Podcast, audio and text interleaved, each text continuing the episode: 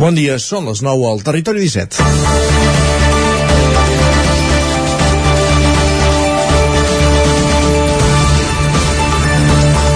La llei orgànica 7 barra 1980 diu que totes les persones tenim dret a rebre una sepultura digna sense discriminació per motius religiosos. Han passat més de 40 anys i la comunitat musulmana d'Osona i el Ripollès continua reclamant el compliment de la llei per poder enterrar els seus familiars a prop de casa seva.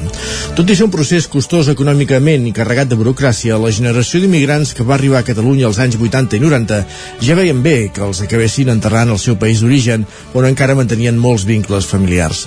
Ara, amb amb el reagrupament familiar fet i amb el naixement aquí ja de noves generacions de musulmans catalans, la repatriació ha deixat de tenir sentit.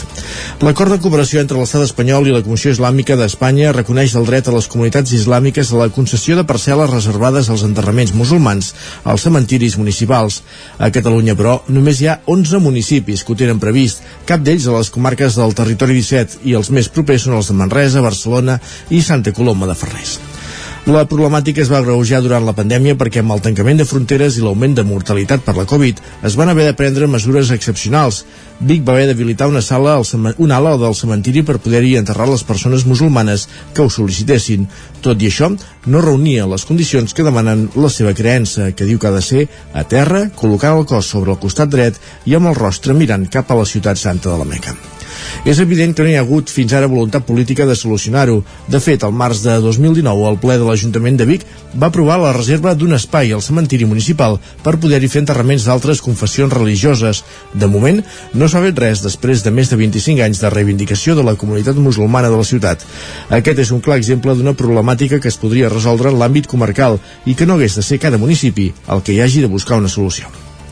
És dilluns, 4 de juliol de 2022 i ens disposem a començar la darrera setmana de la temporada del Territori 17. Fins divendres encara tenim moltes coses per explicar i compartir a la sintonia d'Ona Codinenca, la veu de Sant Joan, Ràdio Cardedeu, Ràdio Vic, el 9 FM i el 9 TV. Territori 17, amb Isaac Moreno i Jordi Sunyer.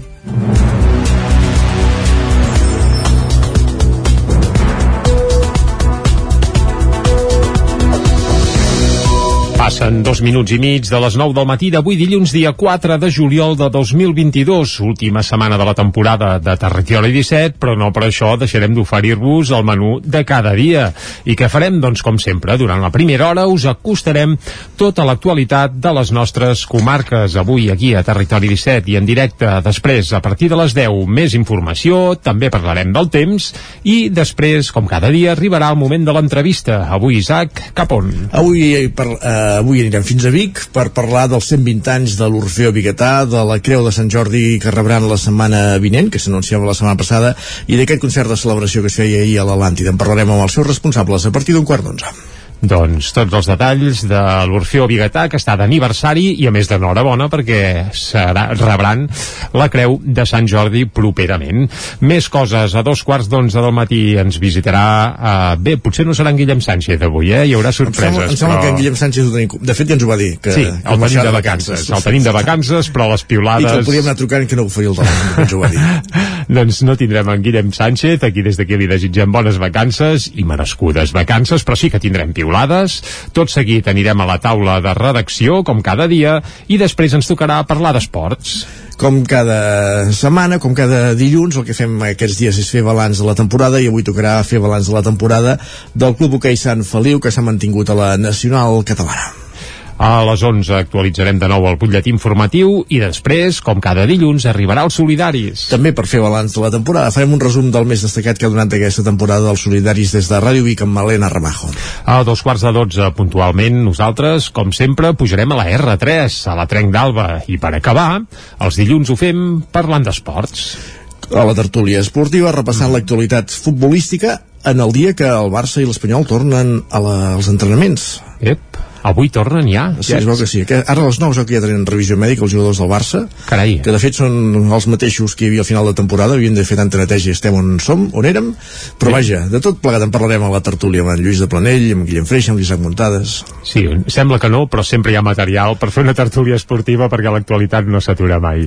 Doncs vinga, amb aquesta tertúlia acabarem el programa d'avui, però ara el que hem de fer és arrencar i ho farem com sempre acostant-vos l'actualitat de les nostres comarques. Ja ho sabeu, les comarques del Ripollès, Osona, el Moianès i el Vallès Oriental. Les noves variants de la Covid-19 i l'increment de que els contactes socials sense mascareta han disparat els casos de coronavirus durant la segona meitat del mes de juny. L'alta transmissió també es tradueix en un augment de la pressió hospitalària. L'Hospital de Vic hauria triplicat en només 15 dies els pacients ingressats per Covid i s'ha passat dels 12 als més de 40 amb infecció activa. En el cas d'Osona, actualment hi ha ingressats 88 pacients amb Covid-19 als hospitals de la comarca. A diferència de la darrera onada, quan els casos es detectaven al fer un test complementari, ara els pacients ingressats ingressarien directament per símptomes de la malaltia. Els més habituals serien dècimes de febre, mal de coll i afúnia i són uns efectes que, si no tenen més complicacions, remeten al cap d'aproximadament 3 dies. Ara bé, la gravetat de la gran majoria de malalts continua sent moderada gràcies als elevats índexs de vacunació. A Osona la velocitat de propagació s'hauria tornat a situar per sobre de l'1, és a dir, que la pandèmia tornaria a estar en fase d'expansió. Amb l'objectiu de protegir la població més vulnerable, la recomanació de la Generalitat és ara que les persones grans i amb, amb patologies de base recuperin la mascareta, sobretot en espais tancats. Concentracions divendres a la tarda pels fets de Melilla, a Granollers, s'hi van concentrar unes 300 persones. S'han estirat, es van estirar al terra de la plaça per simbolitzar les morts a la frontera. Núria Lázaro, Ràdio Televisió, Cardedeu. Unes 300 persones es van concentrar divendres al vespre a la plaça Maluquer i Salvador, al centre de Granollers, per denunciar la mort d'almenys 37 persones quan intentaven travessar la frontera entre el Marroc i l'estat espanyol i Melilla per l'acció de les policies dels dos països. Cani i Cira, dues joves filles d'immigrants africans, però ja nascudes a Catalunya, van llegir un manifest de denúncia a la política migratòria d'Europa a la frontera sud. Més enllà de la mort dels migrants a la frontera de Melilla, també es van denunciar altres morts com la dels migrants que vivien en una nau a Badalona que es va cremar o la d'un treballador temporer a Lleida aquesta mateixa setmana. També el tracte a les persones retingudes als CIE o la retirada de menors de dones. La família Bofill es desvincula després de 125 anys de l'escola El Roser de Sant Julià de Vilatorta i del poble mateix. La família ha tancat un acord amb el grup Argos Capital Partners que liderarà el canvi d'etapa a l'escola a partir ja del curs que ve. Aquesta setmana han signat davant de notari el canvi de patronat de la Fundació Privada Puig i Cunyer. Al capdavant del nou equip hi ha com a president Jordi Vallvé, que estarà acompanyat de Carles Vidosa i Eduard Llaguno. Els dos últims formen part d'Argos, un grup que es dedica a la compra-venda d'empreses, al finançament bancari, l'aixecament de capital i la gestió patrimonial, mentre que el primer és un empresari dels sectors turístic i paperer. Més enllà dels canvis que està previst impulsar al col·legi, com plantejar-hi cicles formatius i batxillerat o reforçar l'anglès, amb la constitució del nou patronat s'obre ara una nova etapa al Roser, perquè fins ara el centre sempre havia estat lligat a la família Bofill. Territori obre la licitació per construir la rotonda a l'accés nord de Ripoll per rebaixar els accidents en aquesta zona.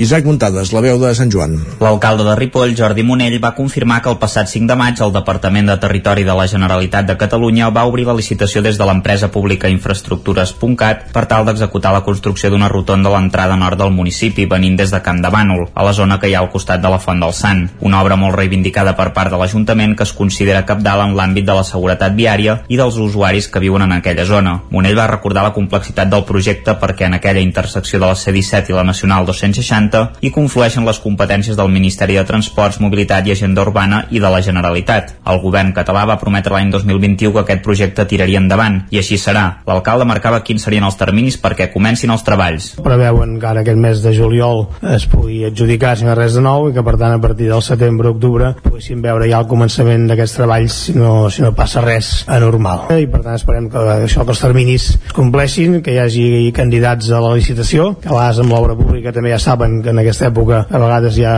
hi ha convocatòries que no que queden desertes, esperem que no sigui el cas en aquest, en aquest sentit. De fet, l'obra és molt necessària, ja que la setmana passada es va produir un nou accident en aquella zona, en què una furgoneta blanca va xocar contra una senyal de trànsit i gairebé la va arrencar. Sortosament, l'accident no va ser greu i no va haver-hi ferits. El Vall de Ripollès també va desitjar que reprenguin aviat les obres de construcció de les dues rotondes d'accés al polígon dels pintors de la Ronda Mas d'en Bosch de Ripoll Ripoll, que continuen aturades des de principis de maig i que s'haurien d'haver acabat aquest pròxim mes de juliol. Monell va recordar que hi ha una discrepància de preus entre l'empresa adjudicatària i el Departament de Territori i espera que resolgui favorablement perquè els treballs continuïn. Una de les rotondes s'ha de construir en el punt d'intersecció entre el pavelló de la Vallaneda i l'àrea de trial de bicicletes i la Fundació Eduard Soler, mentre que l'altre es farà l'entrada nord del polígon on hi ha la benzinera i l'accés a la deixalleria. Els Mossos d'Esquadra han denunciat un home de 36 anys com a presumpte autor d'un delicte de lesions per imprudència greu per després que el seu gos, alerta, mossegués una dona al brull.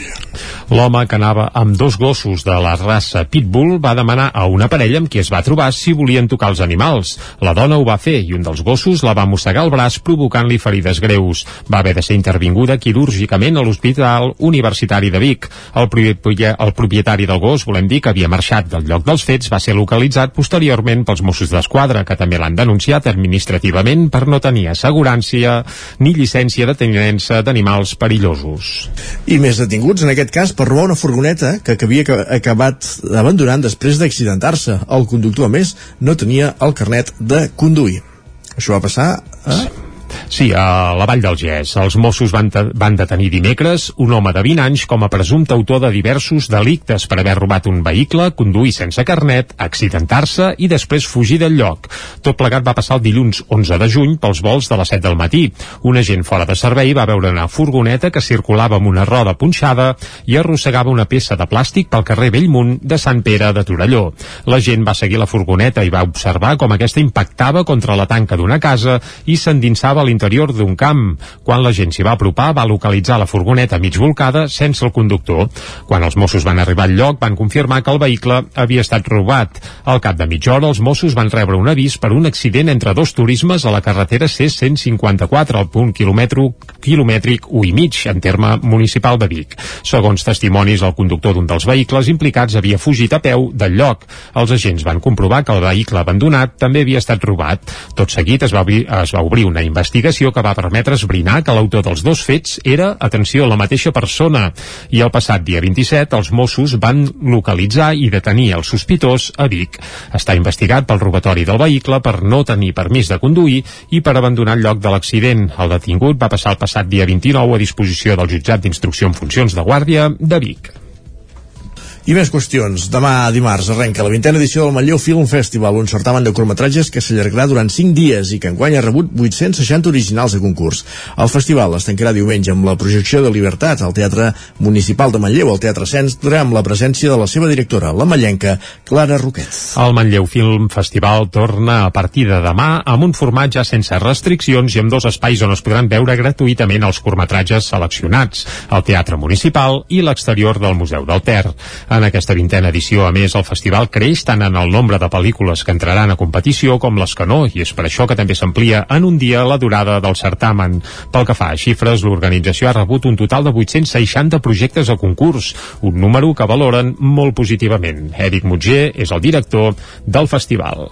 Per ser un festival com el nostre, any rere any, és, és un, una xifra estratosfèrica, però però creiem que també denota com la salut del festival i per una banda la bona salut del festival la repercussió que té a nivell internacional i que la persistència i el fet d'haver fet durar un projecte durant 20 anys també l'ha convertit a que a nivell internacional doncs, tant distribuïdores com directors o directores doncs, el tinguin a, diguem ha notat el calendari a, a l'hora d'inscriure les, seves, les seves produccions. Com a novetat, aquest any també neix l'anomenat Manlleu Film Festival Més D, la primera trobada usonenca de professionals del cinema.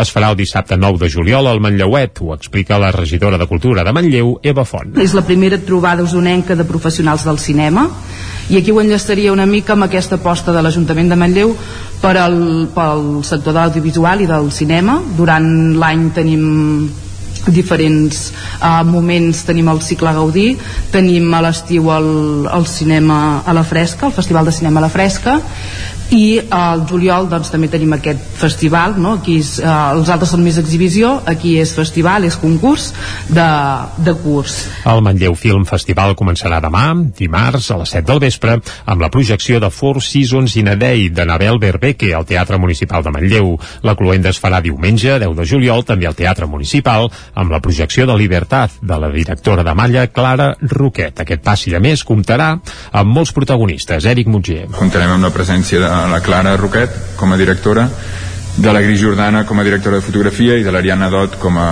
productora um, un trio manlleuenc uh, d'èxit i que, i que serà un plaer també poder-les tenir aquí Tallers i sessions especials acabaran de configurar una vintena edició d'un festival que durant cinc dies convertirà Manlleu en la capital nacional del cinema. I més qüestions la, en l'àmbit esportiu. Les jugadores de futbol sala, Ona Solans i Sílvia Cardona guanyen el Premi Popular de la vuitena nit de l'esport que es va celebrar a Caldes el 29 de juny. Ona Codinenca, Caral Campàs. Ona Solans i Sònia Cardona, campiones d'Espanya amb la selecció catalana de futbol sala sub-16, van rebre el guardó especial per votació popular a la vuitena nit de l'esport de Caldes que va tenir lloc aquest dimecres al vespre a la Torre Manimont en la primera edició després de 4 anys. Ha sigut molt, molt divertit, ha sigut una sensació molt xula perquè agrada saber que pues, fas bé el teu esport o ho intentes i que reps també l'ajuda de molta gent que t'estima i que fa el possible per, perquè tot vagi bé. Unes 200 persones van assistir a la gala en el transcurs de la qual es van lliurar 24 guardons proposats per les entitats esportives del municipi i la Comissió de la Nit de l'Esport. Ona Solans i Sònia Carmona van rebre el 17,48% dels 326 vots vàlids emesos per la ciutadania a través del web habilitat per la votació. A banda de la vintena de guardons es va fer una menció especial a Salvador Luengo, cap de manteniment de les instal·lacions esportives municipals Musicals pels més de 30 anys de dedicació. L'acte que ha estrenat data i ubicació es va celebrar coincidint amb el final de la temporada de bona part de les disciplines esportives. La vuitena nit de l'esport va tenir la presència destacada de l'alcalde Isidre Pineda i de Josep Marc, representant territorial de l'esport a Barcelona de la Generalitat de Catalunya, a banda d'altres representants del consistori i les entitats esportives. En darrer terme, durant la gala es va donar a conèixer el proper repte del triatleta calderí Jordi Torrejón. L'esportista, nomenat ambaixador de l'esport de Caldes, s'ha proposat recórrer en només dos dies, del proper mes d'agost, els 514 quilòmetres que separen Caldes de Montbui del municipi francès de Sant Pau les Dacs. Això se'm va encendre la bombeta de, de, de fer la distància de 514 quilòmetres que, separa les dues viles termals en bicicleta en dues etapes. Eh, la idea és creuar tota Catalunya, no? pues des de Caldes de Montbui, sortint des de la plaça del Lleó, eh, tota la comarca del Moianès, Osona, la Pobla de Lillet, eh, Castellà de la Molina i passar a França per Portepó i Morenys i a partir d'aquí pues, eh, eh, per França, per tots els pobles dels Pirineus, arribar fins a, fins a Sant Pau les d'Àsia.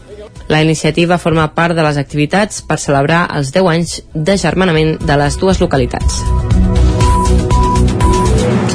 Acabem aquí aquest repàs informatiu que començàvem a les 9 en companyia de Jordi Sunyer, que era el Campàs, Isaac Muntades i Núria Lázaro. Continua el territori 17, moment de conèixer la previsió del temps.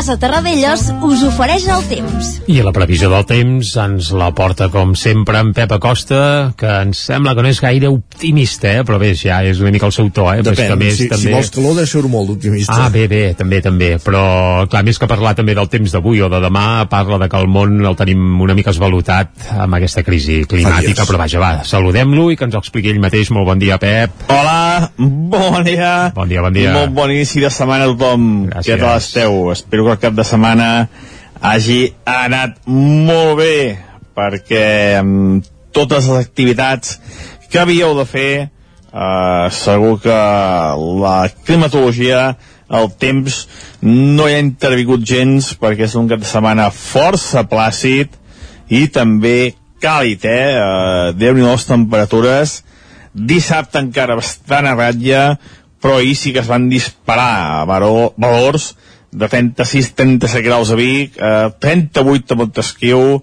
eh, també eh, cap a Mollà, més a 30 graus, Granollers, més a 30 graus, vull dir que unes temperatures ben, ben amunt, eh, potser no una onada de calor, però sí que Déu-n'hi-do, déu nhi déu com van pujar aquestes temperatures, eh, van pujar d'aquesta manera per aquests vents africans que tornem a tenir novament, aquesta pols en suspensió, que una altra vegada es torna a fer ben visible i no ens movem d'aquesta tònica, eh? una tònica, una espiral que no m'agrada gens, ahir eh, veu poder veure els Alps com aquella glacera es va, es va trencar i va provocar aquesta desgràcia en els Alps uh, anem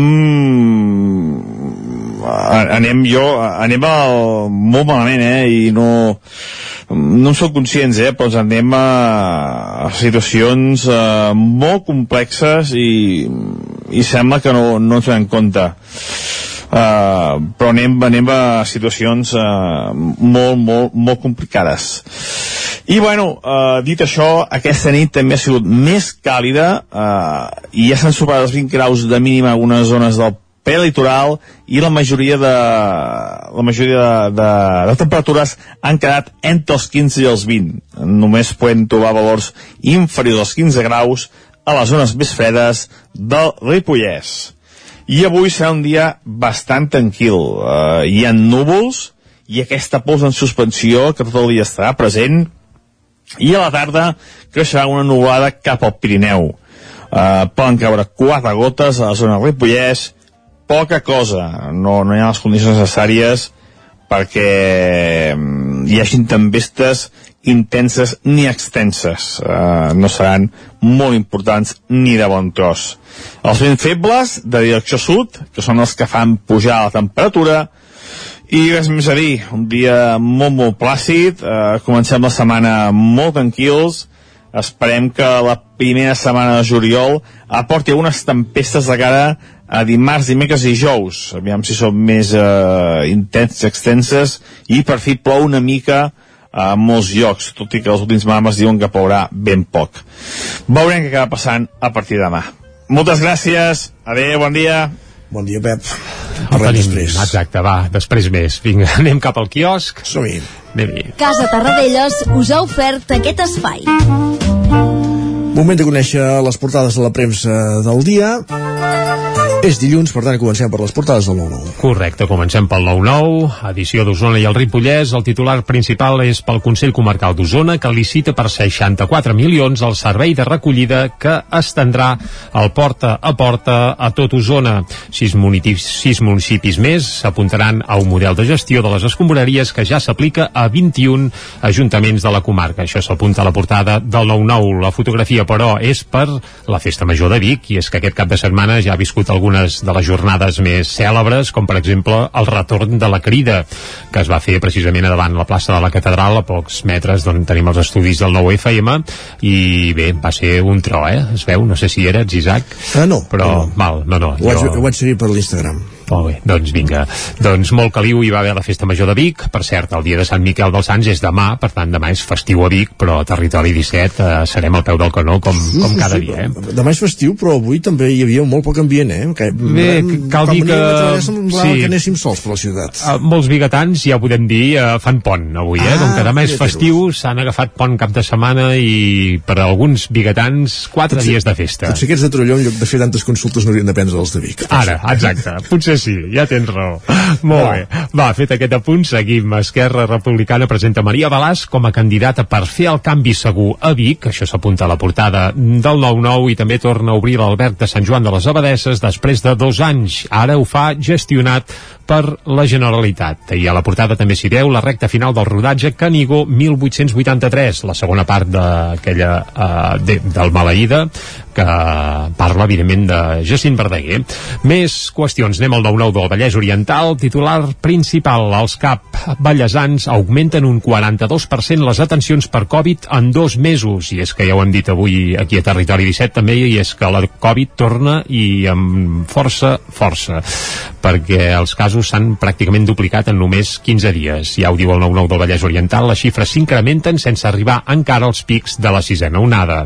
També dos hospitalitzats per una baralla a la festa major de Vigues i Riells del FAI déu nhi i a més a més quatre triomfs ballesans a la Granollers Cup del retorn. Recordem que la Granollers Cup s'ha fet durant tot el cap de setmana al Vallès Oriental i quatre dels equips que es van endur a la victòria doncs van ser ballesans també apareixen les màximes notes de selectivitat eh? en el cas del Vallès Oriental van ser per la UNA Tato per l'Emma Ventura i pel Carlos Baca. I ell, juntament amb Rebeca Tornini, van superar el 9,8 eh, de nota de selectivitat, per tant, per molts anys. Anem a portades d'àmbit nacional. Som-hi. Comencem pel punt avui que titulen Auge o decadència.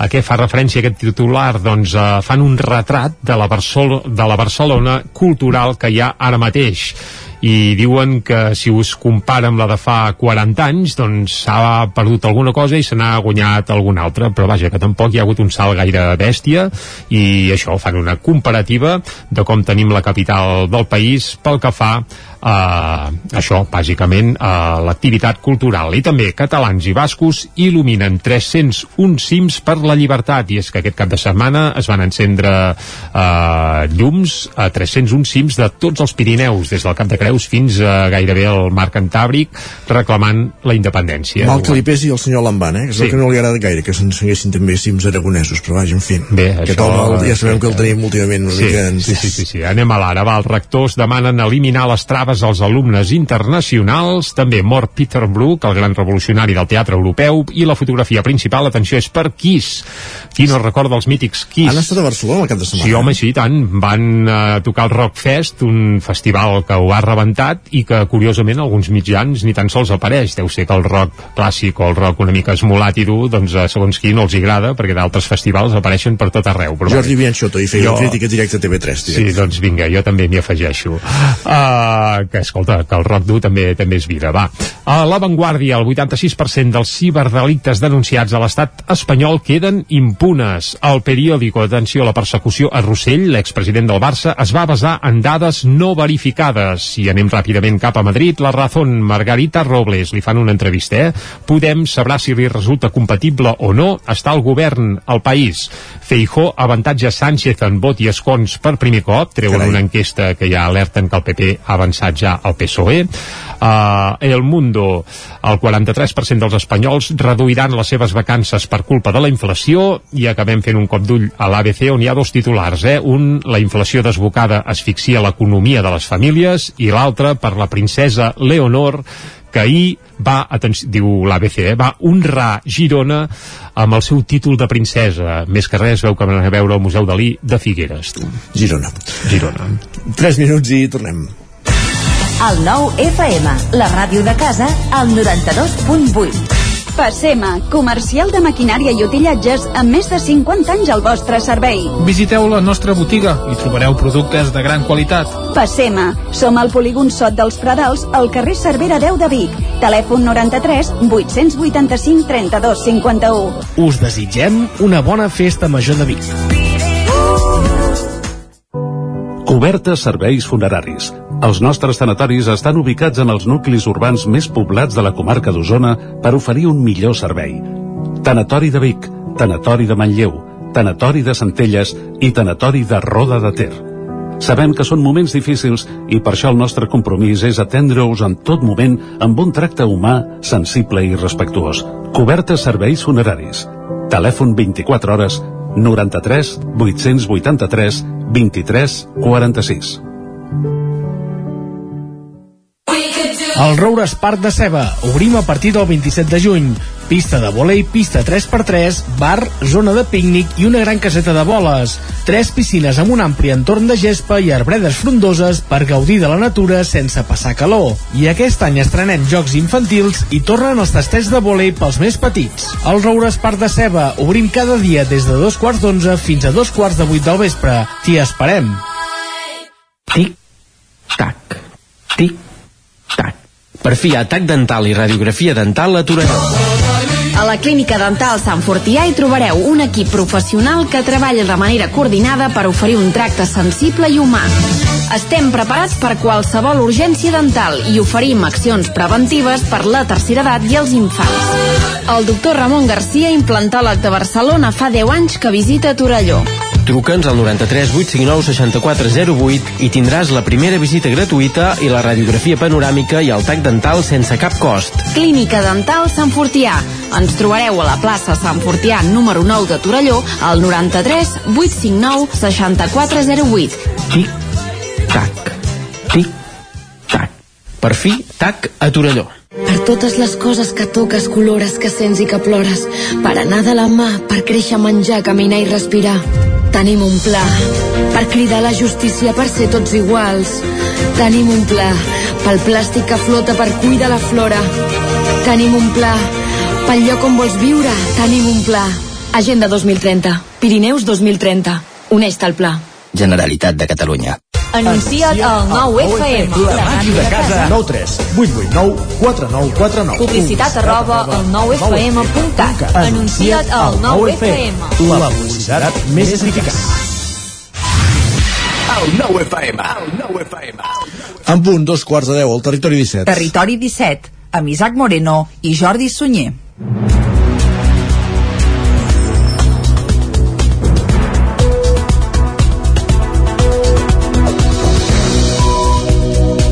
Doncs vinga, dos quarts de deu en punt d'avui dilluns dia 4 de juliol de 2022, vigília de Sant Miquel dels Sants, que és el patró de la ciutat de Vic, i és per això que avui, com bé deies Isaac abans, hi ha un to apagadot a Vic, eh? sembla que estigui mig de vacances, i és que molta gent fa pont, que demà és festiu a la capital d'Osona.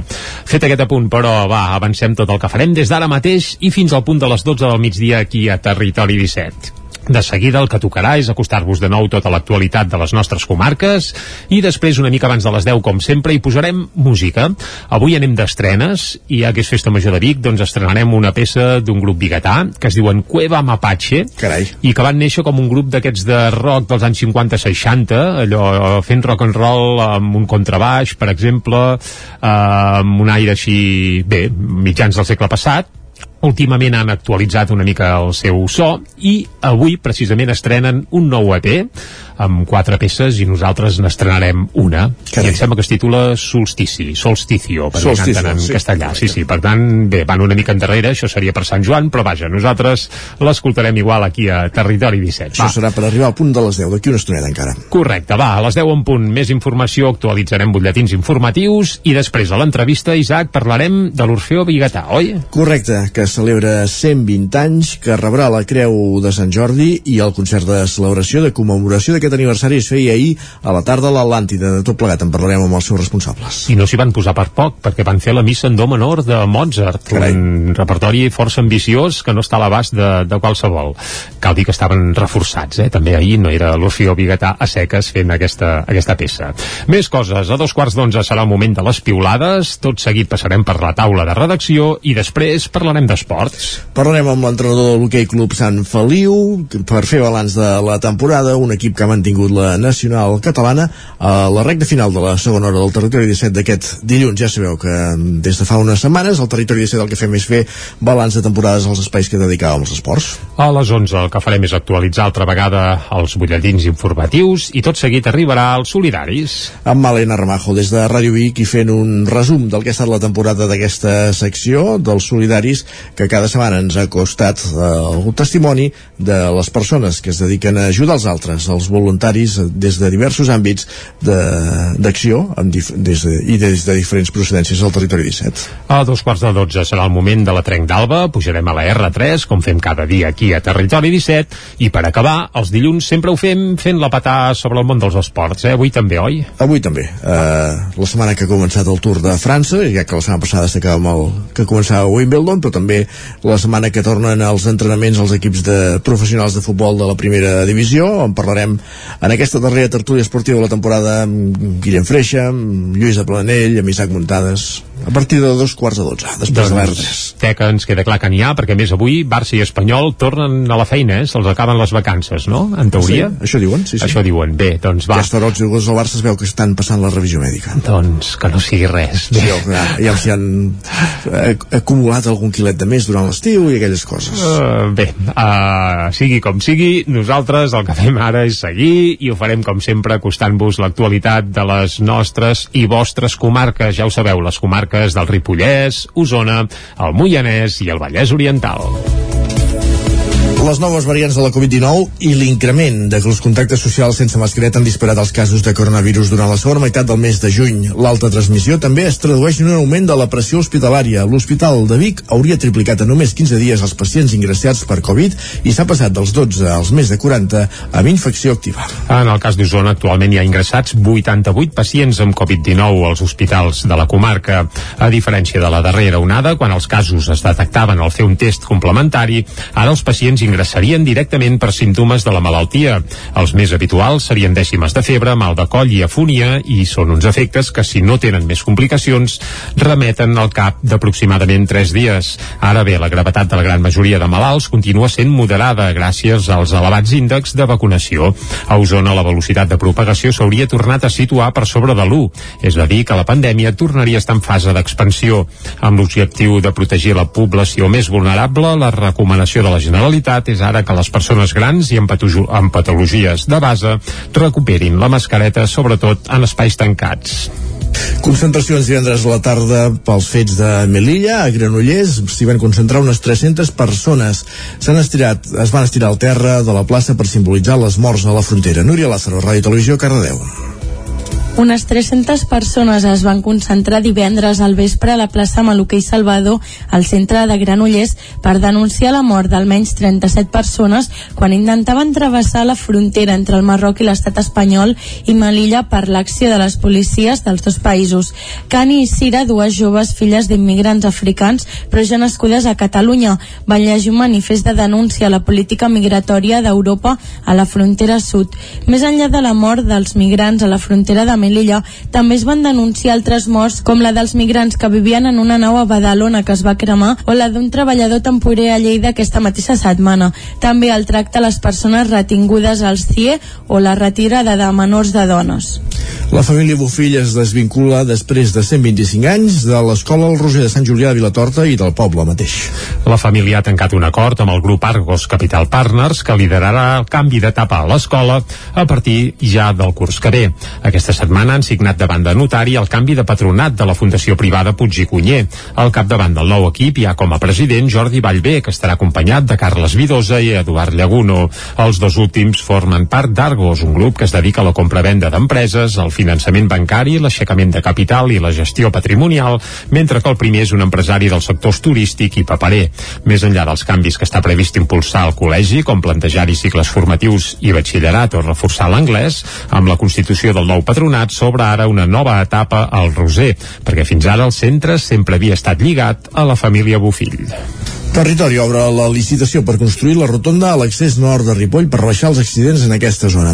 Isaac Muntades, la veu de Sant Joan. L'alcalde de Ripoll, Jordi Monell, va confirmar que el passat 5 de maig el Departament de Territori de la Generalitat de Catalunya va obrir la licitació des de l'empresa pública Infraestructures.cat per tal d'executar la construcció d'una rotonda a l'entrada nord del municipi venint des de Camp de Bànol, a la zona que hi ha al costat de la Font del Sant. Una obra molt reivindicada per part de l'Ajuntament que es considera capdalt en l'àmbit de la seguretat viària i dels usuaris que viuen en aquella zona. Monell va recordar la complexitat del projecte perquè en aquella intersecció de la C-17 i la Nacional 260 hi conflueixen les competències del Ministeri de Transports, Mobilitat i Agenda Urbana i de la Generalitat. El govern català va prometre l'any 2021 que aquest projecte tiraria endavant, i així serà. L'alcalde marcava quins serien els terminis perquè comencin els treballs. Preveuen que ara aquest mes de juliol es pugui adjudicar no res de nou i que per tant a partir del setembre-octubre poguéssim veure ja el començament d'aquests treballs si no, si no passa res anormal. I per tant esperem que això que els terminis compleixin, que hi hagi candidats a la licitació, a vegades amb l'obra pública també ja saben que en aquesta època a vegades hi ha,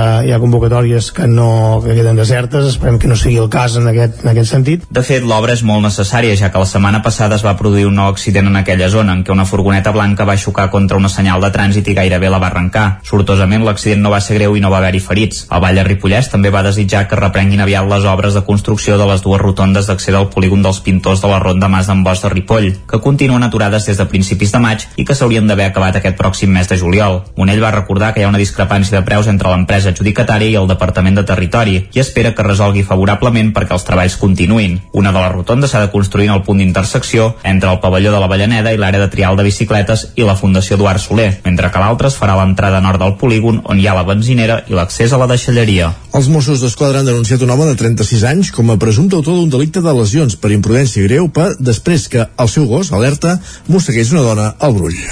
L'home que anava amb dos gossos de la raça Pitbull va demanar a una parella amb qui es va trobar si volien tocar els animals. La dona ho va fer i un dels gossos la va mossegar el braç provocant-li ferides greus. Va haver de ser intervinguda quirúrgicament a l'Hospital Universitari de Vic. El, el propietari del gos, volem dir que havia marxat del lloc dels fets, va ser localitzat posteriorment pels Mossos d'Esquadra, que també l'han denunciat administrativament per no tenir assegurança ni llicència de tenença d'animals perillosos.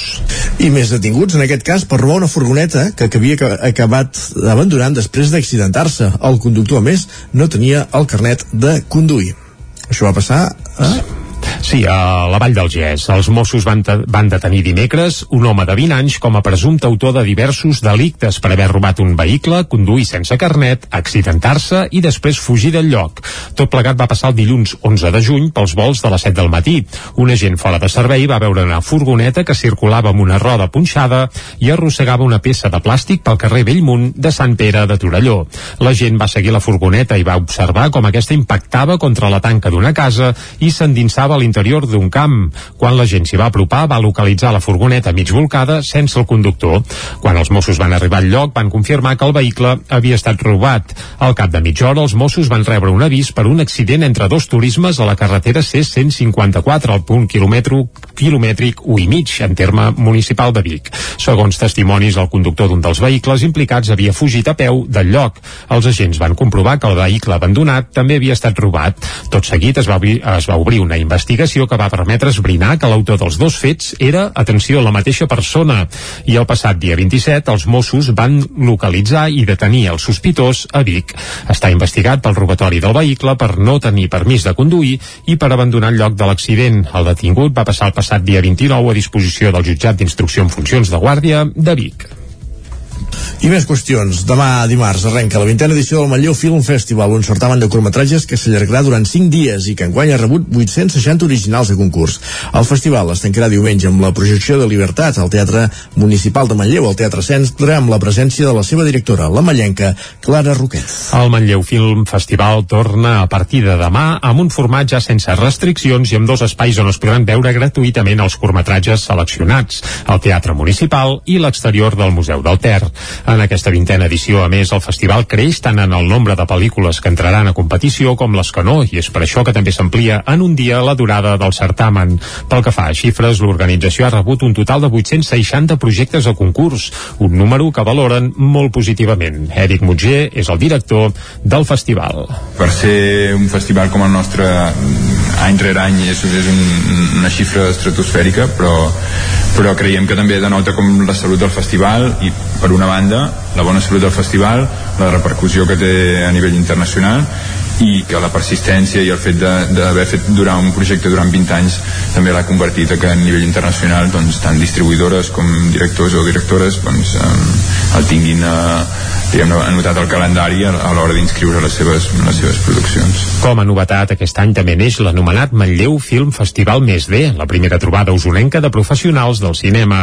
Es farà el dissabte 9 de juliol al Manlleuet, ho explica la regidora de Cultura de Manlleu, Eva Font. És la primera trobada usonenca de professionals del cinema i aquí ho enllaçaria una mica amb aquesta aposta de l'Ajuntament de Manlleu per al, pel sector de l'audiovisual i del cinema. Durant l'any tenim diferents uh, moments. Tenim el cicle Gaudí tenim a l'estiu el, el cinema a la fresca, el festival de cinema a la fresca i al uh, juliol doncs també tenim aquest festival no? aquí és, uh, els altres són més exhibició aquí és festival, és concurs de, de curs.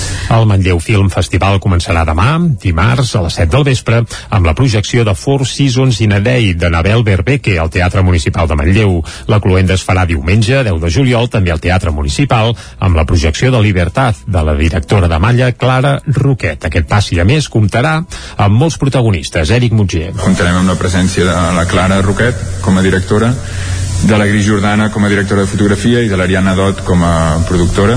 Um, un trio manlleuenc uh, d'èxit i que, i que uh, serà un plaer també poder-les tenir aquí Tallers i sessions especials acabaran de configurar una vintena edició d'un festival que durant cinc dies convertirà Manlleu en la capital nacional del cinema. I més qüestions la, en l'àmbit esportiu. Les jugadores de futbol sala, Ona Solans i Sílvia Cardona guanyen el Premi Popular de la vuitena nit de l'esport que es va celebrar a Caldes el 29 de juny. Ona Codinenca, Caral Campàs. Ona Solans i Sònia Cardona, campiones d'Espanya amb la selecció catalana de futbol sala sub-16, van rebre el guardó especial per votació popular a la vuitena nit de l'esport de Caldes que va tenir lloc aquest dimecres al vespre a la Torre Manimont en la primera edició després de 4 anys ha sigut molt, molt divertit, ha sigut una sensació molt xula perquè agrada saber que pues, fas bé el teu esport o ho intentes i que reps també l'ajuda de molta gent que t'estima i que fa el possible per, perquè tot vagi bé.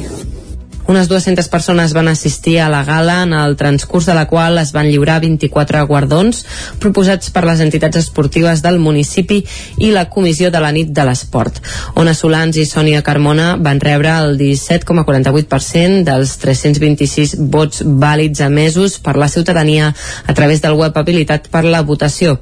A banda de la vintena de guardons es va fer una menció especial a Salvador Luengo, cap de manteniment de les instal·lacions esportives municipals Musicals pels més de 30 anys de dedicació.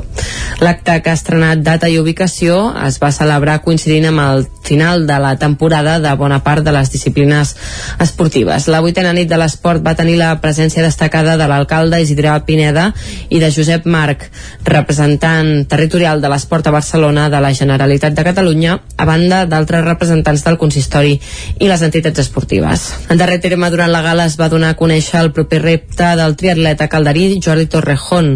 L'esportista, nomenat ambaixador de l'esport de Caldes, s'ha proposat recórrer en només dos dies, del proper mes d'agost, als 514 quilòmetres que separen Caldes de Montbui del municipi francès de Sant Pau les Dacs. Això se'n va encendre la bombeta de, de, de fer la distància de 514 quilòmetres que separa les dues viles termals en bicicleta en dues etapes.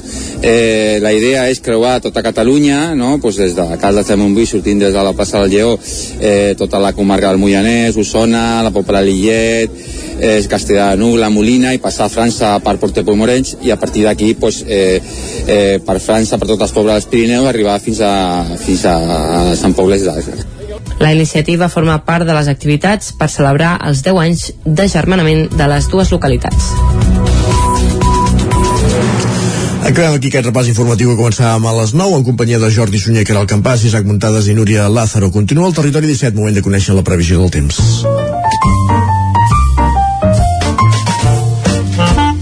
Casa Terradellos us ofereix el temps. I la previsió del temps ens la porta, com sempre, en Pep Acosta, que ens sembla que no és gaire optimista, eh? però bé, ja és una mica el seu to, eh? Depèn, que més, si, també... si vols calor deu ser molt optimista. Ah, bé, bé, també, també, però clar, més que parlar també del temps d'avui o de demà, parla de que el món el tenim una mica esvalutat amb aquesta crisi climàtica, però vaja, va, saludem-lo i que ens ho expliqui ell mateix. Molt bon dia, Pep. Hola, bon dia. Bon dia, bon dia. Molt bon inici de setmana a tothom. Gràcies. Què tal esteu? Espero que el cap de setmana hagi anat molt bé perquè amb totes les activitats que havíeu de fer eh, segur que la climatologia el temps no hi ha intervingut gens perquè és un cap de setmana força plàcid i també càlid, eh? eh Déu-n'hi les temperatures dissabte encara bastant a ratlla però ahir sí que es van disparar valors de 36-37 graus a Vic, eh, 38 a Montesquieu,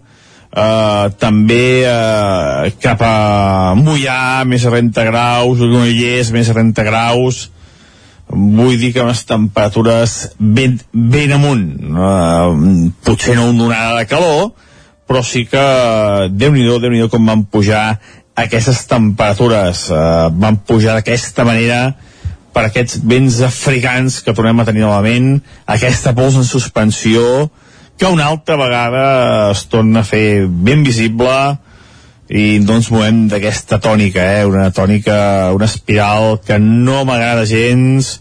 Ahir eh, veu poder veure els Alps com aquella glacera es va, es va trencar i va provocar aquesta desgràcia en els Alps uh, anem anem jo, anem al, molt malament, eh, i no, no en sóc conscients, eh, però anem a, a situacions uh, molt complexes i, i sembla que no, no ens donem compte. Uh, però anem, anem a situacions uh, molt, molt, molt complicades. I bueno, uh, dit això, aquesta nit també ha sigut més càlida uh, i ja s'han superat els 20 graus de mínima en algunes zones del prelitoral i la majoria de la majoria de, de, de temperatures han quedat entre els 15 i els 20 només podem trobar valors inferiors als 15 graus a les zones més fredes del Ripollès. I avui serà un dia bastant tranquil uh, hi ha núvols i aquesta pols en suspensió que tot el dia estarà present i a la tarda creixerà una nuvolada cap al Pirineu. Uh, poden caure quatre gotes a la zona del Ripollès. Poca cosa, no, no hi ha les condicions necessàries perquè mm, hi hagin tempestes intenses ni extenses. Uh, no seran molt importants ni de bon tros. Els vents febles de direcció sud que són els que fan pujar la temperatura i res més a dir un dia molt molt plàcid uh, comencem la setmana molt tranquils esperem que la primera setmana de juliol aporti algunes tempestes de cara a dimarts, dimecres i dijous. Aviam si són més eh, intenses, extenses, i per fi plou una mica a molts llocs, tot i que els últims mames diuen que plourà ben poc. Veurem què acaba passant a partir de demà. Moltes gràcies, adeu, bon dia. Bon dia, Pep. Parlem després. Exacte, va, després més. Vinga, anem cap al quiosc. Som-hi. Casa Tarradellas us ha ofert aquest espai. Moment de conèixer les portades de la premsa del dia. És dilluns, per tant, comencem per les portades del 9-9. Correcte, comencem pel 9-9, edició d'Osona i el Ripollès. El titular principal és pel Consell Comarcal d'Osona, que licita per 64 milions el servei de recollida que estendrà el porta a porta a tot Osona. Sis municipis, sis municipis més s'apuntaran a un model de gestió de les escombraries que ja s'aplica a 21 ajuntaments de la comarca. Això s'apunta a la portada del 9-9. La fotografia, però, és per la Festa Major de Vic, i és que aquest cap de setmana ja ha viscut algunes de les jornades més cèlebres, com per exemple el retorn de la crida, que es va fer precisament davant la plaça de la Catedral, a pocs metres d'on tenim els estudis del nou FM, i bé, va ser un tro, eh? Es veu, no sé si eres, Isaac. Ah, no. Però, no. mal, no, no. Ho, vaig, ho vaig seguir per l'Instagram. Molt bé, doncs vinga. Doncs molt caliu hi va haver la Festa Major de Vic. Per cert, el dia de Sant Miquel dels Sants és demà, per tant demà és festiu a Vic, però a Territori 17 eh, serem al peu del canó com, com cada dia. Eh? Demà és festiu, però avui també hi havia molt poc ambient, eh? Que, Bé, cal dir que... Sí. que anéssim sols per la ciutat. Uh, molts bigatans, ja ho podem dir, uh, fan pont avui, eh? Ah, Com que demà és festiu, s'han agafat pont cap de setmana i per a alguns bigatans, quatre dies de festa. Potser aquests de Trolló, en lloc de fer tantes consultes, haurien de prendre els de Vic. Ara, exacte, potser sí, ja tens raó. Molt bé. Va, fet aquest apunt, seguim. Esquerra Republicana presenta Maria Balàs com a candidata per fer el canvi segur a Vic, això s'apunta a la portada del 9-9 i també torna a obrir l'Alberg de Sant Joan de les Abadesses després de dos anys. Ara ho fa gestionat per la Generalitat. I a la portada també s'hi veu la recta final del rodatge Canigó 1883, la segona part d'aquella uh, de, del Maleïda, que parla, evidentment, de Jacint Verdaguer. Més qüestions. Anem al 9-9 del Vallès Oriental. Titular principal. Els CAP ballesans augmenten un 42% les atencions per Covid en dos mesos. I és que ja ho hem dit avui aquí a Territori 17 també, i és que la Covid torna i amb força, força, perquè els casos s'han pràcticament duplicat en només 15 dies. Ja ho diu el 9-9 del Vallès Oriental, les xifres s'incrementen sense arribar encara als pics de la sisena onada. També dos hospitalitzats per una baralla a la festa major de Vigues i Riells del FAI déu nhi I, a més a més, quatre triomfs ballesans a la Granollers Cup del retorn. Recordem que la Granollers Cup s'ha fet durant tot el cap de setmana al Vallès Oriental i quatre dels equips que es van endur a la victòria doncs van ser ballesans. També apareixen les màximes notes de selectivitat. Eh? En el cas del Vallès Oriental van ser per la UNA Tato, per l'Emma Ventura i pel Carlos Baca. I ells, juntament amb Rebeca Tornini, van superar el 9,8 eh, de nota de selectivitat, per tant, per molts anys. Anem a portades d'àmbit nacional. Som-hi. Comencem pel punt avui que titulen Auge o decadència.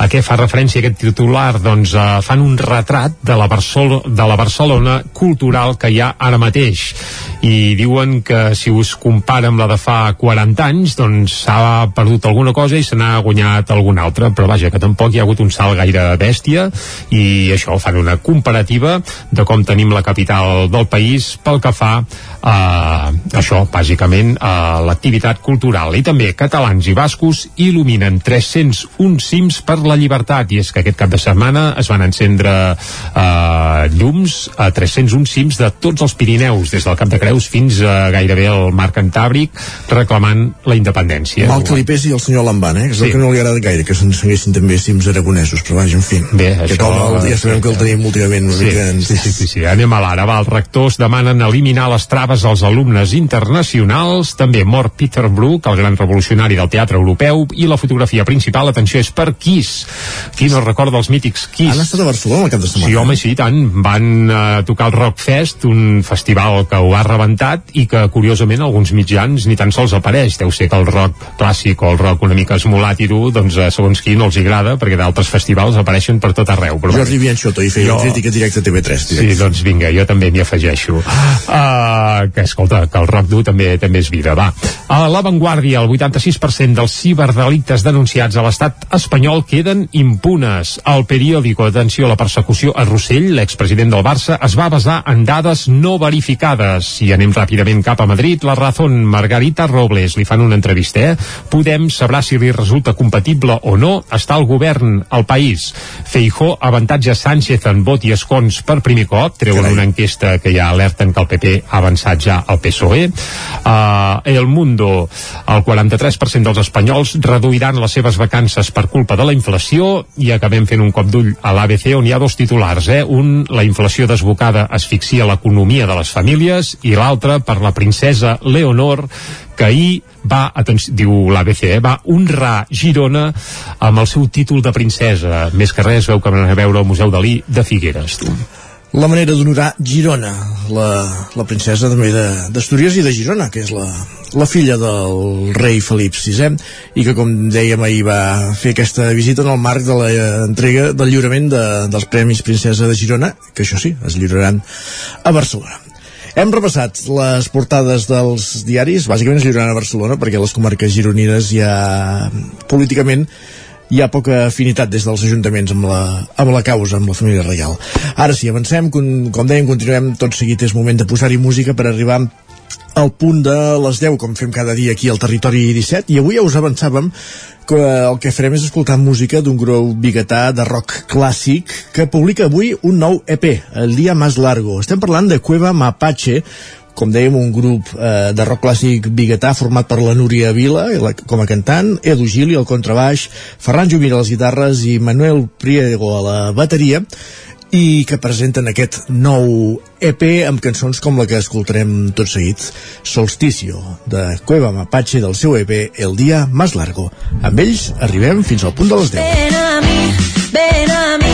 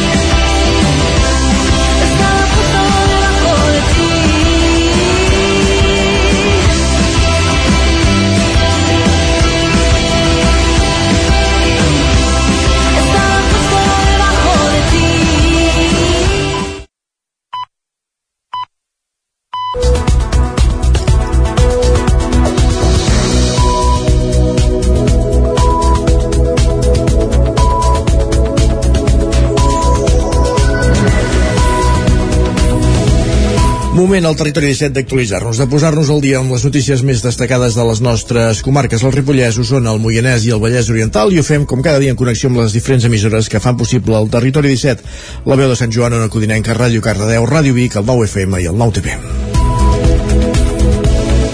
per explicar-vos aquesta hora que el Consell Comarcal d'Osona vol que s'allargui la prima de cogeneració d'electricitat per evitar el tancament de les dues plantes de purins que hi ha a Osona un cop vencin els respectius contractes. El de la planta de les Masies de Voltregà s'esgota a finals de l'any 2024 i el de la de Sant Martí Sescors al desembre de 2028. Sense la... peix, perdó. Sense la prima, el sistema no és viable econòmicament. Davant d'aquest escenari i després de l'aturada de les plantes de purins que ja es va produir als anys 2014 i 2017, quan es van suprimir les primes, el Consell Comarcal d'Osona demana prorrogar-les perquè puguin continuar obertes mentre es fa la transició cap al seu funcionament en biogàs. Així ho han traslladat el ministre d'Agricultura, Pesca i Alimentació, Luis Planes, amb la presència d'una delegació usonenca a Madrid, coincidint amb la pregunta sobre la continuïtat de la prima que el senador d'Esquerra, Josep Maria Reniu, va fer al ministre al Senat. Escoltem Escoltem a Joan Carles Rodríguez, president del Consell Comarcal d'Osona. Mentre això no passa i mentre van caminant cap aquí, han de ser viables. I aquesta viabilitat depèn d'una prima econòmica, que depèn del Ministeri, que depèn de, del Govern de l'Estado. La nostra comarca ara no pot tenir una apagada de les, de les plantes eh, quan els hi eh, venci aquesta prima així de manera sobtada, com ja va passar en un determinat moment. En paral·lel a la petició d'allargar la prima, el Consell Comarcal i la taula per la gestió sostenible de la ramaderia d'Osona aposten perquè la continuïtat de les plantes vagi lligada a la seva descarbonització, és a dir, que vagin reduint gradualment el volum de gas natural que cremen per assecar el purí i generar energia elèctrica. Joan Carles Rodríguez. Les plantes han de, han de canviar. Actualment estan cremant gas fòssil, no? Uh, uh, gas natural per dessecar a purí. I ja veiem que això és un model esgotat i, per tant, uh, s'han de sumar a la transició energètica com uh, han de fer tots els processos productius de la nostra economia no? i en aquest cas les plantes de purins ho han de fer eh, i estan jo crec que caminaran per fer, eh, per fer això. Per tant aquest és l'objectiu és l'objectiu que, que, que com a administració els hem de marcar la transició cap al biogàs, però, no és senzilla perquè hi intervenen diverses parts. L'empresa propietària de les dues plantes de purins d'Osona, Sonaia Capital, els ramaders que porten el purí a les plantes i els governs espanyol i català.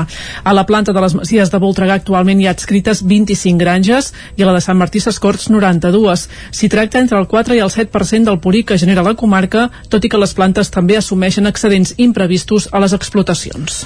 L'Ajuntament de Ripoll es queixa de la manca d'inversions al territori de l'estat espanyol. Isaac Muntades, la veu de Sant Joan. L'Ajuntament de Ripoll, amb l'única excepció de la regidora no escrita Sílvia Oriols, va ratificar un acord de la Junta de Govern local que es queixava de la manca d'inversions de l'estat espanyol a Catalunya i que demanava una rectificació al govern de coalició del PSOE i Unides Podem per tal que es compleixi el que marquen els pressupostos generals perquè no es creïn desequilibris territorials. L'alcalde de Ripoll, Jordi Monell, es lamentava de la situació. Pensem que no és de rebut pels ciutadans de, dels pobles i de les comarques i del país veure que el compromís de l'Estat en inversions doncs, doncs s'executa a nivells baixíssims, més quan compares amb altres demarcacions de l'Estat, mentre algunes en van al 174%, altres com nosaltres al 35%, i per tant pensem que això, com a mínim el dret de queixa l'hem de poder tenir i per tant elevar-lo a, a qui correspongui i en qualsevol cas continuar reivindicant que hauríem de ser un estat ple amb, amb, amb totes les competències de, dels serveis i infraestructures que tenim a casa nostra, però en aquest cas lamentablement encara no és així. El regidor del PSC, Enric Pérez va contestar-li que tot i que encara puguin arribar més diners a Catalunya, al Ripollès no li ha anat malament els últims dos tres anys. Més d'una inversió al túnel de Toses molt important. També tenim un conveni amb Adif que gairebé doncs, també seran uns 800.000 euros, dels quals l'Ajuntament només n'hi ha de posar 20. Hi ha un milió doncs, ja també adjudicat per fer una reparació del pont ferroviari a Ripoll o l'esllavissada que hi va haver Sant Joan també gairebé van ser 2 milions d'euros d'inversió. Per tant, la comarca, l'Estat ja ha invertit uns 13 milions d'euros. Pérez va reconèixer que calia invertir en l'eix Pirinenc en corbes com les de Ribamala o la colònia Lleudet i en els ferms dels túnels de Collabós. També va apuntar que calia tenir els projectes a punt i redactats i que aquests últims 10 anys les relacions amb Espanya no han estat les més fluides per culpa del procés independentista. El porteu republicà Roger Bosch va replicar els arguments de Pérez. Barrejar inversió amb manteniment, perquè clar, si cau una carretera, dir que ens la venen a arreglar i que ho hem d'agrair, sorprèn una mica el mateix túnel de Toses, no? que al final era, era un manteniment. I dos, que dic que clar, que ens estan castigant per votar i que per tant com que vam votar ens castiguen i ens posen inversió, també són una mica rar, no? de dir dir que, que, que les relacions no són bones eh, pels que ha passat, no ha deixat intuir pel que ha passat els últims 10 anys. Oriols va insistir en que Espanya roba a Catalunya i prefereix fer inversions inútils a altres punts de l'Estat que necessàries en territori català. A més, va dir que incompleixen les seves promeses des de fa temps i que el govern català hauria de complir les seves i aplicar el resultat del referèndum d'independència celebrat el 2017. Ho dèiem al repàs de portades, dos estudiants de Mollet i Llinars del Vallès, millors notes de la, de la selectivitat del Vallès Oriental. Carlos Baca i Rebeca Tornini han obtingut un 9,8. Núria Lázaro, des de Ràdio Televisió, Cardedeu. Dos estudiants de Mollet i Llinars del Vallès han aconseguit la millor nota del Vallès Oriental a les proves d'accés a la universitat, un 9,8. Es tracta de Carlos Baca, que ha estudiat a l'Escola Sant Gervasi de Mollet, i Rebeca Tornini, de l'Escola Ginebro de Llinars del Vallès. Baca va rebre la notícia al tren i comenta que no s'esperava que l'anés tan bé. Diu que el seu objectiu no era pas aconseguir una qualificació tan elevada, sinó que simplement realment volia treure prou nota per poder estudiar física i matemàtiques a la UAB. Pel que fa a la Rebeca Tornini, veïna de Sant Pere de Vilamajor, ha estudiat el batxillerat artístic. Tampoc s'esperava treure una nota tan alta i ha sigut una sorpresa veure que tenia un 9,80. Pel curs vinent s'ha matriculat a la BAU, Centre Universitari de Disseny, on per primera vegada es podrà estudiar Belles Arts, que és el que vol fer. De fet, inicialment tenia previst anar-se'n a estudiar a Londres, però ha demanat retardar-ho almenys un any, ja que fins ara només podia fer Belles Arts a la Universitat de Barcelona. D'aquesta manera, els dos estudiants s'han quedat ben a prop de la millor nota de la selectivitat a tot Catalunya i que precisament són també de la demarcació de Barcelona. Dos estudiants de Sabadell i Sant Vicenç dels Horts han aconseguit un 10. A banda d'en Carlos i la Rebeca, la tercera millor nota del Vallès Oriental l'ha obtingut un alumne de Santa Maria de Palau Tordera i una Tato, que igualment ha estudiat a l'Escola Ginebro i un alumne també de Mollet, però que ha estudiat a la Vall a Bella terra, tots dos amb un 9,60. Pel que fa a la resta de millors notes, els segueixen un 9,50 d'un alumne de l'Escola Pia de Granollers. Gràcies, Núria. I això que ve ara, Caral, és carn de lletra ferits, perquè l'escriptora calderina Glòria de Castro guanya el Premi Llibreter amb la seva primera novel·la, l'instant abans de l'impacte. Serà, però, lletra ferits a partir del setembre. Una codinenca, com dèiem, Caral Campàs. El debut en el gènere de la novel·la de Glòria de Castro no ha pogut ser millor. L'escriptora calderina ha guanyat el Premi Llibreter per l'instant abans de l'impacte, publicat per Periscopi en català i per Lumen en castellà al febrer d'aquest any. El guardó el concedeixen les llibreries afiliades al Gremi de Llibreters i enguany les quatre guanyadores són dones. El llibre de De Castro és una mirada corrosiva, plena de ràbia i humor negre sobre les polítiques de conciliació i la societat de consum i està inspirada en una vivència personal. Quan es va quedar embarassada, l'autora va demanar a l'empresa on treballava una reducció de jornada i a partir d'aquell moment, assegura, va començar a patir moving. Es va començar a sentir apartada i cada cop amb feines de menys responsabilitat. L'experiència la va impulsar a escriure com se sentia en el que va ser l'embrió d'aquesta novel·la. Una característica del llibre és que tots els capítols comencen amb la paraula no. Tot un desafiament per part de l'autora a un món publicitari que rebutja les negacions. De Castro va néixer a Caldes el 1974 i actualment viu a Mallorca. Va estudiar Ciències de la Comunicació a la Universitat Autònoma de Barcelona i durant 25 anys va treballar com a creativa publicitària. L'instant abans de l'impacte va ser finalista del Premi Clarín de novel·la, del Premi Pollença de narrativa i del Premi BBVA Sant Joan de literatura catalana. I el rodatge de la pel·lícula Canigó 1883, que explica l'ascens al Pirineu de Jacint Verdaguer, ha passat aquests dies per la casa natal del poeta, la Casa Museu Verdaguer a Folgueroles, on es grava una part de la història. El film dona continuïtat a Maleïda 1882, estrenat el 2019. Del repartiment en formen part els actors usonencs Lluís Soler i Xavier Boada. Aquests dies ha passat per Folgueroles l'equip de Canigó 1883, la llegenda pirinenca de Jacint Verdaguer. La pel·lícula, que és part del projecte Verdaguer Pirineus, narrarà l'ascens al Pirineu que va fer el poeta buscant inspiració per la seva obra Canigó. Així es dona continuïtat al documental de ficció sobre l'ascensió de Verdaguer a la Neto, al Maleïda 1882 1982. Albert Naudín n'és el director. El projecte Verdaguer Pirineus, bàsicament del que es tracta és de recuperar una mica aquest llegat que ens va deixar mossèn Cinto, eh, en tot el que és l'entorn de la muntanya, com un pioner de l'excursionisme, de, de lo que és l'inici de, dels moviments excursionistes a Catalunya, i amb aquesta pel·lícula, que és la continuació de Maleïda, seria la segona part, també reivindiquem una mica el que és la personalitat del poeta totes aquelles característiques que van portar a ser qui és, no? aquest personatge tan peculiar eh, revolucionari de l'època, no només eh, en els termes d'excursionisme, de muntanyisme, sinó també amb altres que podia ser doncs, aquest, aquest, aquesta contra que va tenir contra el poder, contra el tema de, de l'Església, per defensar el que era la, la moral mm, diguem de, de recolzar la gent obrera, la gent pobra per tot això, en aquesta segona pel·lícula s'explora més la ficció. Albert Naudín. Doncs així com Maleïda sí que era una pel·lícula que encara que utilitzàvem la ficció com a, com a figuració per, per poder fer la descripció de,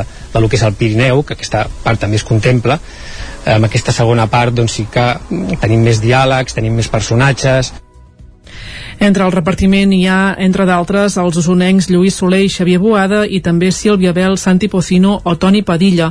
Soler es posa a la pell de Verdaguer l'any 1901, un paper molt proper per l'actor Lluís Soler. Home, és una relació de molt temps i per tant, tant amb en Verdaguer com amb l'Albert, per tant, doncs és, és, és un, un plaer, vull dir, és una cosa que, que et ve molt de gust, que, que la fas amb ganes, que tu passes bé fent-la, i que, que l'únic que tens ganes és de que funcioni com més bé millor. El film està produït per la productora Film Explorer i la Fundació Jacint Verdaguer. Per acabar el rodatge han posat en marxa una campanya a través de la plataforma Barcami on tothom qui ho vulgui pot fer donacions. L'estrena de la pel·lícula està prevista per l'any que ve. Esports. I a la pàgina esportiva expliquem que la defensa blaugrana, la Codina, va visitar divendres la seixantena de participants de l'Oriol Riera Experience 2022. Codina ha parlat dels seus inicis amb només 4 anys al món del futbol i de l'absència de referents femenins que van marcar l'inici de la seva carrera esportiva. Dos escenaris que, segons la defensa blaugrana, han canviat radicalment. Era una de les visites més esperades i va servir per posar el colofó, per posar el colofó final, volem dir, a la sisena edició de l'Oriol Riera Experience 2022. Una proposta que es va acabar divendres a la zona esportiva de Sant Sant Julià de Vilatorta. Impacients, la seixantena de participants al campus esportiu esperaven la visita de la defensa blaugrana Laia Codina, que reincorpora el Barça després d'un any cedida al Milan. Codina va parlar de l'absència de referents femenins al món de l'esport que va marcar l'inici de la seva carrera esportiva, un escenari que va dir comença a canviar. Crec que és molt important el que dius que vinguin doncs, uh, ara que les nenes comencen a tenir referents femenins crec que és important doncs, uh, que puguem venir, que donem la nostra veu que donem la nostra opinió, que expliquem les nostres experiències que moltes vegades potser són diferents uh, la que volen dir altres esportistes o els masculins mateix. I, i res, vinc aquí a explicar una mica la meva experiència sobretot aquest any que he estat fora del, del Barça, a Milà i, i res, i a, i a compartir les meves vivències i és que visites com les de Laia Codina són precisament el que diferencia la proposta esportiva de l'exfutbolista professional, el biguetà Oriol Riera. L'escoltem. Sí, sí, jo crec que la gran diferència és que no tractem de ser un campus, sinó que sigui una experiència que es puguin endur per sempre, no? Al final també aquest any hi ha hagut la, la novetat de, de la piscina, que els ha anat molt bé, crec que els ha ajudat a poder arribar a la setmana, als últims dies amb més, amb més comoditat, perquè sí que és cert que, que la setmana amb alguns, sobretot els petits, se'ls hi feia dura, i, i bé, que trobin que és algo diferent, que trobin que és algo professional, que no fa falta anar-se'n a, a Barcelona per poder-ho tenir, que ho tenen aquí a la, a la plana i que, i que, bueno, i que, i que per ells se'ls serveixi per aquest aprenentatge i formació que, que van adquirint. Preguntada pels participants, la defensa blaugrana va parlar de com és el seu dia a dia, de les seves rutines i de quins són els seus referents esportius. També del vincle familiar i acadèmic que l'uneix a la comarca d'Osona, Laia Codina. És que de fet hi tinc vincle familiar perquè eh, els meus pares són nascuts aquí, a Vic i a Torelló, vull dir que els avis i família la tinc aquí, i a més a més hi he estudiat eh, aquí primer i segon de periodisme, i a veure, la intenció és continuar, uh, de fet m'ho haig de mirar per aquest curs a veure que, com ho puc muntar però, mm, però sí, sí, i tinc bastant de vincle amb la comarca d'Osona sobretot un cop finalitzada la sisena edició de l'Oriol Riera Experience, caldrà fer balanç i, si es dona el cas, posar-se a treballar per l'edició 2023. Gràcies, Natàlia. Acabem aquí aquest repàs informatiu que començàvem a les 10 en companyia de Natàlia Peix, que era el campàs, Núria Lázaro i Isaac Muntades, moment al territori 17 de conèixer la previsió del temps.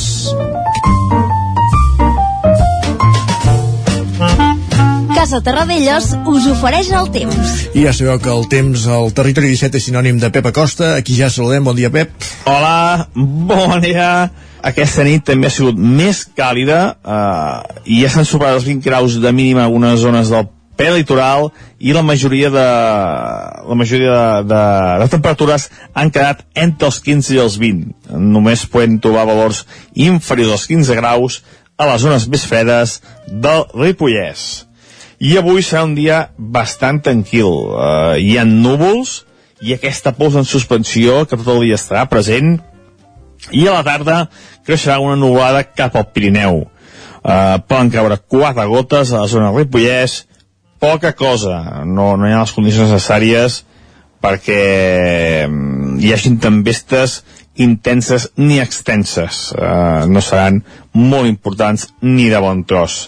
Els vents febles, de direcció sud, que són els que fan pujar la temperatura, i res més a dir, un dia molt, molt plàcid, uh, comencem la setmana molt tranquils, esperem que la primera setmana de juliol aporti algunes tempestes de cara a dimarts, dimecres i dijous. Aviam si són més eh, intenses, extenses, i per fi plou una mica a molts llocs, tot i que els últims mames diuen que plourà ben poc.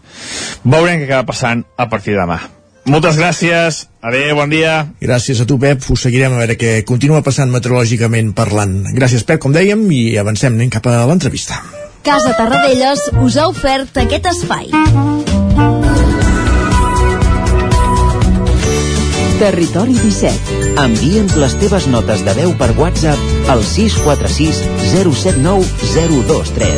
646 079 023. WhatsApp Territori 17.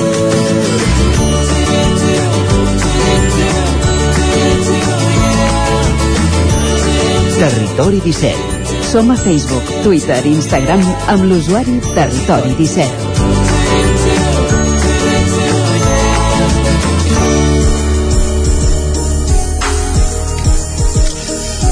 Dos minuts que passen d'un quart d'onze al territori 17. Eh, la setmana passada, dimarts, es coneixien els guardonats amb la Creu de Sant Jordi 2022 i entre aquests guardonats, 20 personalitats i 10 entitats, hi havia l'Orfeó Bigatà a l'any de commemoració del seu 120è aniversari, aviat és dit, i coincidia precisament en el temps eh, dins aquests actes de commemoració amb un dels punts àlgids, el concert que es feia aquest diumenge a l'Atlàntida de Vic. Per parlar-ne de tot plegat tenim a l'altra banda del fil telefònic la presidenta de l'Orfeó Bigatà, Sara Duc. Benvinguda, bon dia. Hola, bon dia, moltes gràcies. Primer de tot, enhorabona per la concessió d'aquesta creu de Sant Jordi. És evident que és un, que és un reconeixement que, que, hi ha, que es busca, que es busca, sí. que, que s'ha de demanar. En sí. aquest cas, des de l'entorn de l'Orfeó s'havia demanat, però finalment s'ha concedit. Vull dir que és un, un reconeixement, no? Sí, sí, estem molt contents. Realment nosaltres eh, creiem que n'érem mereixedors i per això vam, bueno, ens vam postular no? com a tal, però, però volem agrair a totes les entitats, que n'hi ha hagut moltíssimes, i persones que, que, que van avalar en el seu moment aquesta, aquesta petició i que finalment ha arribat a bon port i, i estem, n'estem molt orgullosos uh -huh. I, i com deies tu, no? a més a més eh, ha coincidit amb la setmana de traca no? que, que, que, que vam acabar ahir amb el, amb el concert de, del 120 aniversari, sí, molt contents. Uh, 120 anys d'Orfeo, 120 anys d'entitat, de, no només com a cor, al llarg d'aquests 120 anys l'Orfeo ha fet moltíssimes uh, activitats, però mantenir un cor 120 anys no és senzill. No, no és senzill, perquè es passen, es passen èpoques de tots colors, Eh, jo no les he viscudes totes, evidentment, no? perquè sóc re, relativament nova a la casa, crec que em vaig incorporar, si no recordo malament, el 2011, però bueno, eh, vas, vas llegint, te n'assabentes, escoltes, i saps que s'han passat moments, mm, ja dic, de, de tots colors, no? Des de quan al principi amb la guerra civil, que, que després l'Orfeo de seguida va intentar tornar a cantar, de fet va ser un dels primers cors, si no el primer, crec que el primer en tornar a cantar i a tornar-ho a fer en català, però, però a part d'això, no, moments, doncs, pel que sigui, més, més, més durs, més complicats, però finalment s'han anat remuntant, s'han anat remuntant i ara mateix ens, ens agafen un moment dolç, en un moment que hi ha un gruix de, cantar, de cantaires importants, un moment en el que tenim un, un director que tira molt, que ha fet pujar molt el nivell de, de, del cor, que la gent està molt il·lusionada, sobretot està molt implicada i, i vaja, que, que podem dir que sortosament també hem passat eh, fa poc, no?, a, a l'època complicada de, de la Covid, però tot i així no vam deixar mai d'assajar ni que fos virtualment, ni que fos amb, un, amb moltíssima distància, amb les mascaretes, buscant llocs, etc.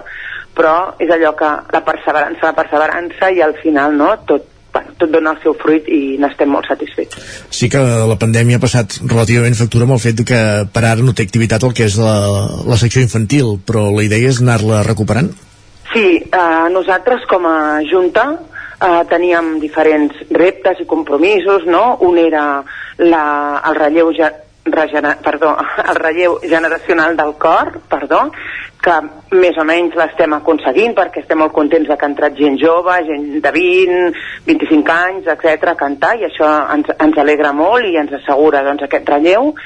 Uh, també uh, doncs, vetllar molt per la qualitat de, de, del cor, que creiem que això també s'ha aconseguit, òbviament també gràcies al director, i, i l'altre era doncs, poder, eh, poder mantenir el, el, el cor infantil. El problema ha estat que amb la Covid eh, amb els, na els nanos petitons no els pots demanar que s'hagin a una distància de tants metres, les mascaretes, etc etc. això no era viable, llavors ho, ho vam haver d'interrompre. Mm. Per tant, ara tenim aquesta assignatura pendent, a veure si podem aconseguir de recuperar el cor infantil que sempre havia estat present a la casa, mm -hmm. i per tant eh, ens agradaria molt que tornar a tenir canalleta, i, i que cantin i si després d'un cor infantil ve un cor jove doncs fantàstic i, i tot això, a veure abans, abans parlàveu, comentaves que estàveu en un moment dolç, de fet eh, ara mateix teniu un cor, si no tinc mal entès, uns 40 cantaires però pel uh -huh. concert d'aquest diumenge eh, ha crescut, diguéssim s'han sí. buscat veus noves per poder-lo fer possible després en parlarem sí. del concert perquè el repte no era, no era petit, ni molt menys eh, la, la idea, eh, aquesta ampliació del cor també ja es fa pensant en aquest relleu generacional que esmentaves? Sí, a veure, um, aquí hi havia un objectiu prioritari que era poder fer aquesta gran obra, la gran missa en do menor de Mozart, que és una, és una obra que necessita de molts cantaires perquè hi ha uns quants números que van a doble cor això implica que en una corda com a mínim han de ser 15 persones perquè si després les has de dividir no? cor 1, cor 2 de cada una de les cordes és a dir, 8 veus en total uh -huh. per tant, eh, eh, per cantar 8 veus necessites un gruix de, de cantaires importants el director feia temps que tenia il·lusió de, de fer aquesta obra i vam pensar que quin millor moment que la celebració del 120 aniversari i per tant ho vam plantejar com un concert participatiu ja fa gairebé un any que ho vam donar a conèixer, ho vam fer córrer per les xarxes, etc etc. va tenir molta acceptació, eh, es van apuntar com una quarantena de persones més o menys, van haver de passar unes, unes proves de, de veu, musicals, etc.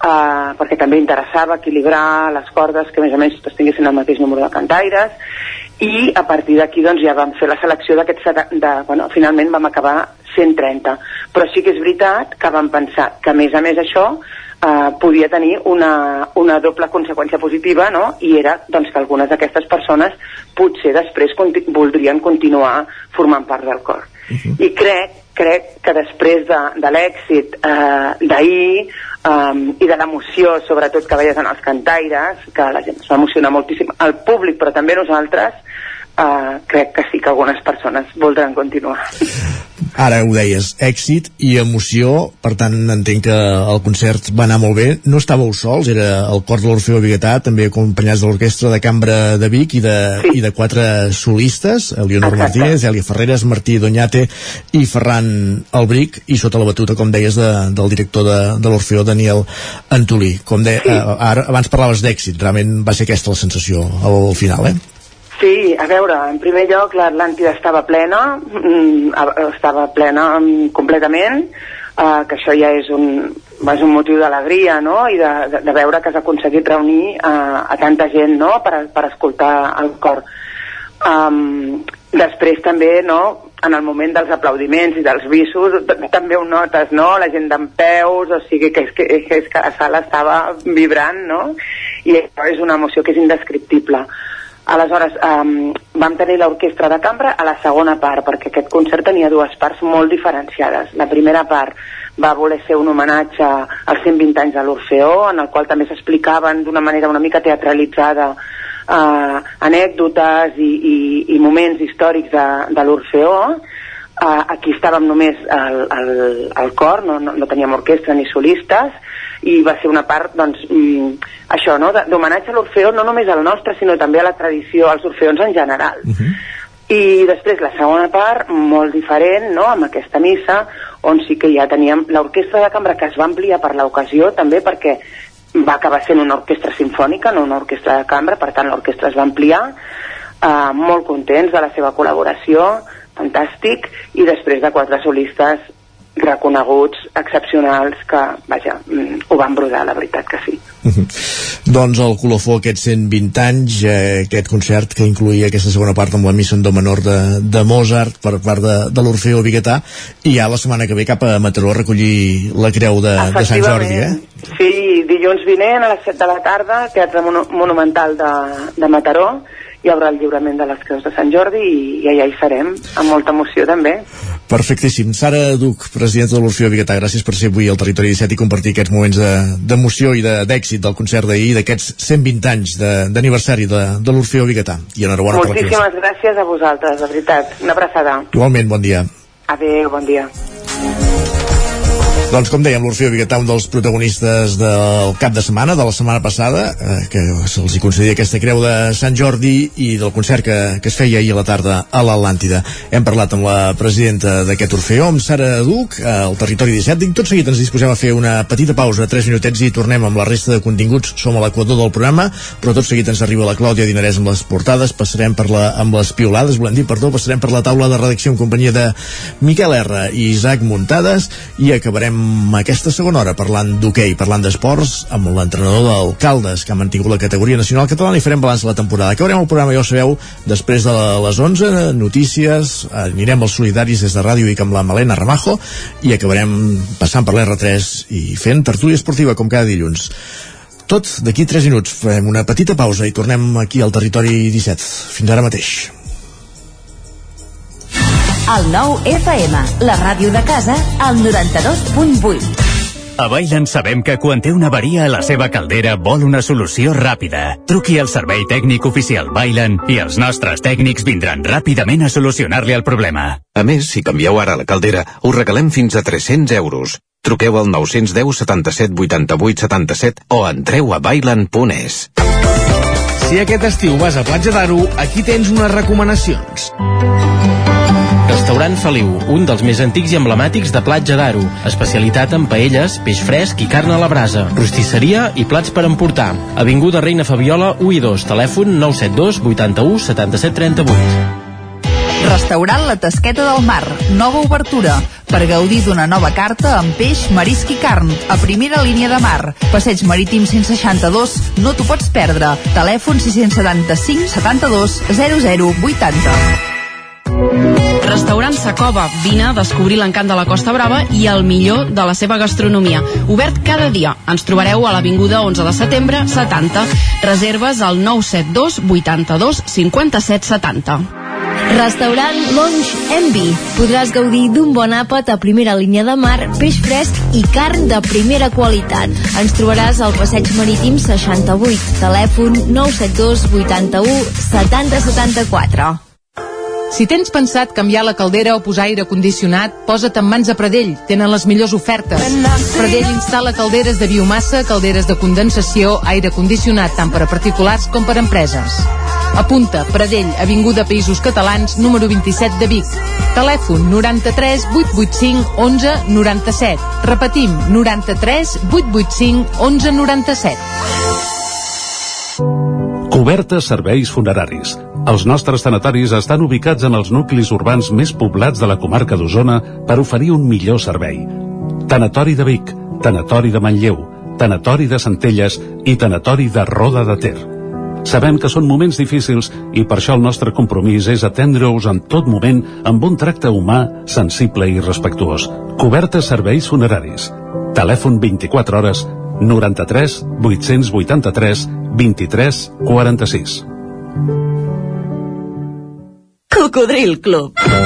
Si t'agrada la bona música dels anys 60, 70 i 80, escolta el 9 FM els matins de dissabtes i diumenges d'11 a 1.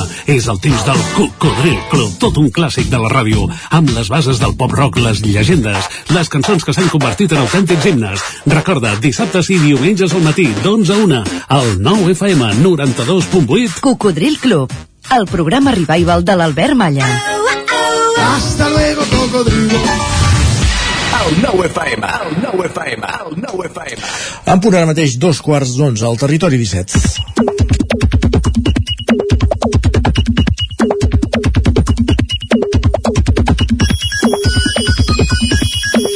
I a dos quarts d'onze en punt, ja sabeu, com cada dia és moment de repassar el més destacat que hem trobat a Twitter i avui ho fem en companyia de la Clàudia Dinarès. Bon dia, Clàudia. Molt bon dia. Què tal? Què tal?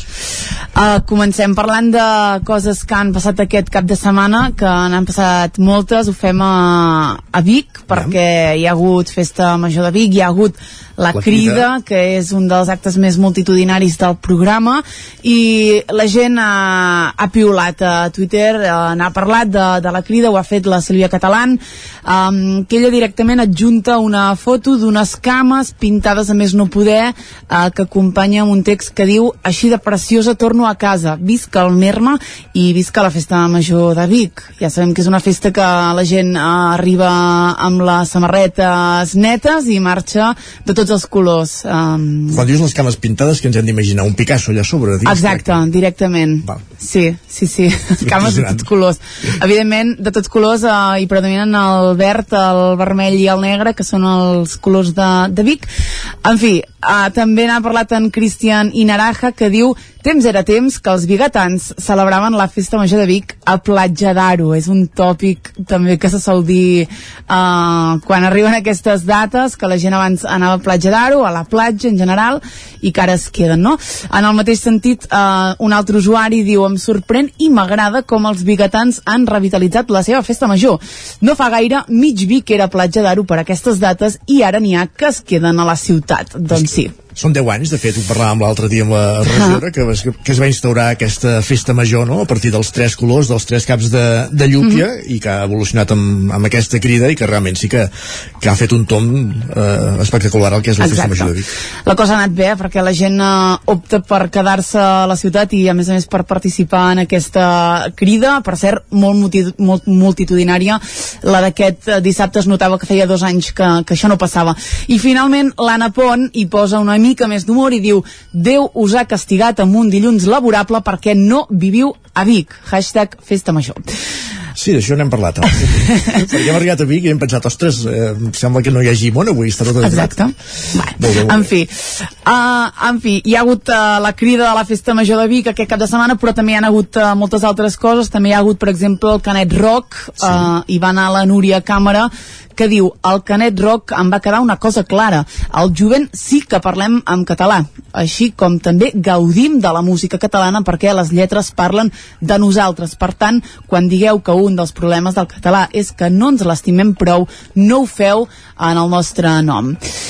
I també hi ha anat en Joan Badia, que diu estem en aquell punt en què anem de festival i busquem la terrassa per seure i comentar com de jove ens sembla la gent i lo bé que estarien els nens aquí amb nosaltres. Ep, i ben bé. En fi, Molt bé, sí, ah, sí. també, això també va passar una mica a la crida, hi havia Espectadors, diguéssim. espectadors, exacte. Molt bé. En fi, i la Carlota, per tancar ja el tema Canet Rock, diu i que bé que sonen les cançons quan les canten milers de persones a l'hora. Hashtag Canet Rock 2022. Tornem a canviar de tema, Isaac, sí. i és que Carla San José, a San José al món de la música, diu alerta perquè això seria tot un debat. Hauríem de considerar un marge ple d'herbes i arbusts eh, com un jardí i que l'estètica de la nostra jardineria s'adaptés al nostre clima i sobretot a la nostra mandra en comptes de posar gespa artificial. En fi. Si ho diu San José, que és, és, a més de músic és arquitecte, alguna cosa deu saber Exacte. aquest home, eh? Alguna cosa deu saber. I uh, acabem ja amb un altre tema del cap de setmana, uh, destacar d'alguna manera no? una de les imatges que ens deixa cap de setmana ple de coses, que és Jordi Moles fent cim a Cabrera. N'ha parlat Ah, sí? el director editorial del 9-9, l'Agustí Danés, que diu de moments únics se'n parla molt, però no n'hi ha gaires. Avui se n'ha viscut un. En Jordi Moles finalment ha pujat a Cabrera. L'instant de l'arribada, com testimonia el vídeo que adjunta, diu apoteòsic. Jordi Moles, que va amb cadira de rodes, per tant no és Exacte. senzill pujar que a Brera i el van haver de, de pujar, per tant aquesta és la, la gesta, com deia la, la. Gràcies, Clàudia. Demà més. Demà més, fins demà. Fins demà. I acabem aquesta secció, com cada dia, fent un cop d'ull a les portades del 99.cat. Uh, hi ha una guerra pel talent a Europa i diria que en general a tot el món és el titular de l'entrevista a Víctor Guerrero, consultor de recerca d'executius a la sèrie d'entrevistes al talent convidat. També, Dani Medina deixa la direcció de l'escola al Faristol de Roda de Ter sis anys després d'assumir el càrrec i el vídeo, el missatge de Joan Laporta a la penya barcelonista de Manlleu. També Sant Bartomeu descarta fer 268 habitatges a l'antiga Puigneró i vol rehabilitar els de Cal Simón. Ràpidament carreguem la portada del 9-9 del Vallès Oriental, els millors eh, a la selectivitat, els millors ballesans a la selectivitat, en parlàvem també fèiem notícia a les 10 amb la Núria Lázaro des de Radio Regió Cardedeu. Més qüestions. L'AMPA de l'Escola Can Vila de Mollet es manifesta davant de la seu d'Educació. La commemoració del centenari manté viva la flama de la marca Derbi i desallotgen un bloc de pisos a Granollers per una fuita de gas. 5 minuts i mig que passen de dos quarts d'onze al territori 17. Continuem, deixem enrere l'aspecte digital del dia i anem cap a la taula de redacció.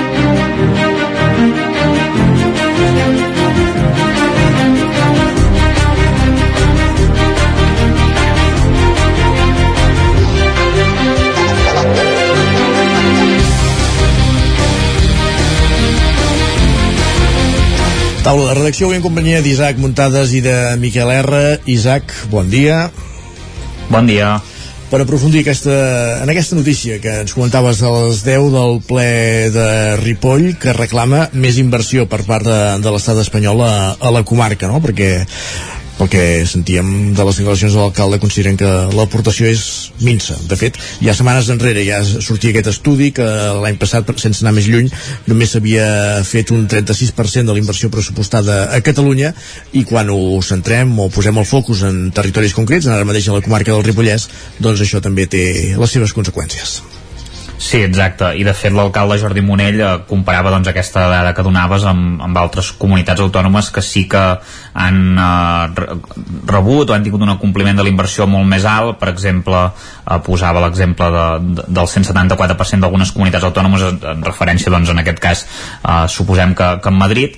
I, i bé, doncs eh, aquí va haver-hi una mica aquesta queixa d'aquesta moció que en principi eh, la van votar tots els grups a favor excepte la regidora no, no escrita Sílvia Oriols que, que es va abstenir i aquí sí que hi va haver una mica de, de debat perquè per exemple el PSC que evidentment és uh, el partit que governa l'estat espanyol juntament amb Unides Podem doncs uh, està representat a l'Ajuntament de Ripoll sí que, sí que va votar a favor però també va dir que el Ripollès en els últims uh, dos, tres anys sí que ha rebut una inversió més forta que, que ha tingut in, inversions importants per part de l'Estat i el seu portaveu Enric Pérez doncs, va recordar per exemple el tema del túnel de Toses que com sabeu es va fer uh, fa poc una, una mica de manteniment i es va posar al dia també aquest uh, pont que s'ha de, de reparar doncs, eh, perquè hi passi el tren al mig de, de Ripoll que creua el riu, no? que s'hi ha invertit també un milió d'euros l'esllavissada que hi va haver-hi a l'entrada de Sant Joan a lo que és la zona del torrent d'Uganes que va ser, doncs es va, es va arreglar i,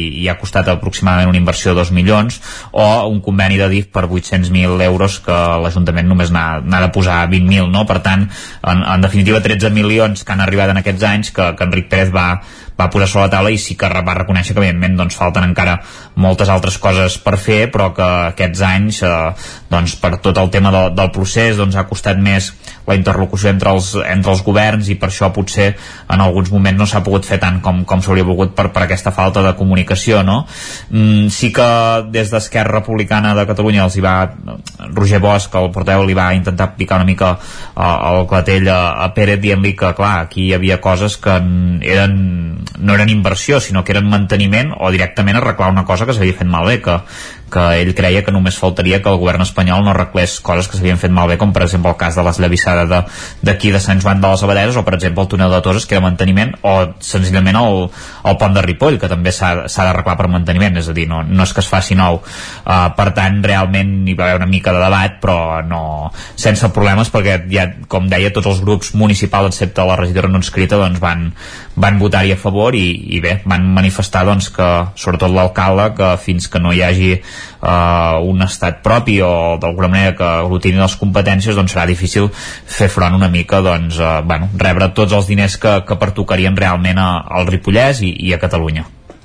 De fet no era objecte de la moció però que sí que hem sentit més d'una vegada l'alcalde de Ripoll, Jordi Monell, no queixant-se només d'infraestructures sinó també de, de serveis, no? perquè a vegades el que serveis que hauria de prestar o que presta l'estat espanyol a, al territori doncs a vegades no, no hi ha els funcionaris suficients per prestar-los i hi ha aquest dèficit de serveis també en, en comarques allunyades de la metròpoli com pot ser eh, el Ripollès, en aquest cas parlàvem però més d'inversió en infraestructures. Gràcies Isaac. A vosaltres, adeu. Continuem, com dèiem, aquesta taula de redacció. Ens acompanyarà en Miquel R, als estudis del 9FM. Miquel, bon dia. Molt bon dia. Perquè aquests dies t'has passejat pels sostres de la catedral de Vic. Correcte, ens agrada destacar també a vegades aquestes eh, visites singulars, no? Ens sembla que coneixem molt bé la ciutat de Vic, però sempre hi ha racons per, per redescobrir.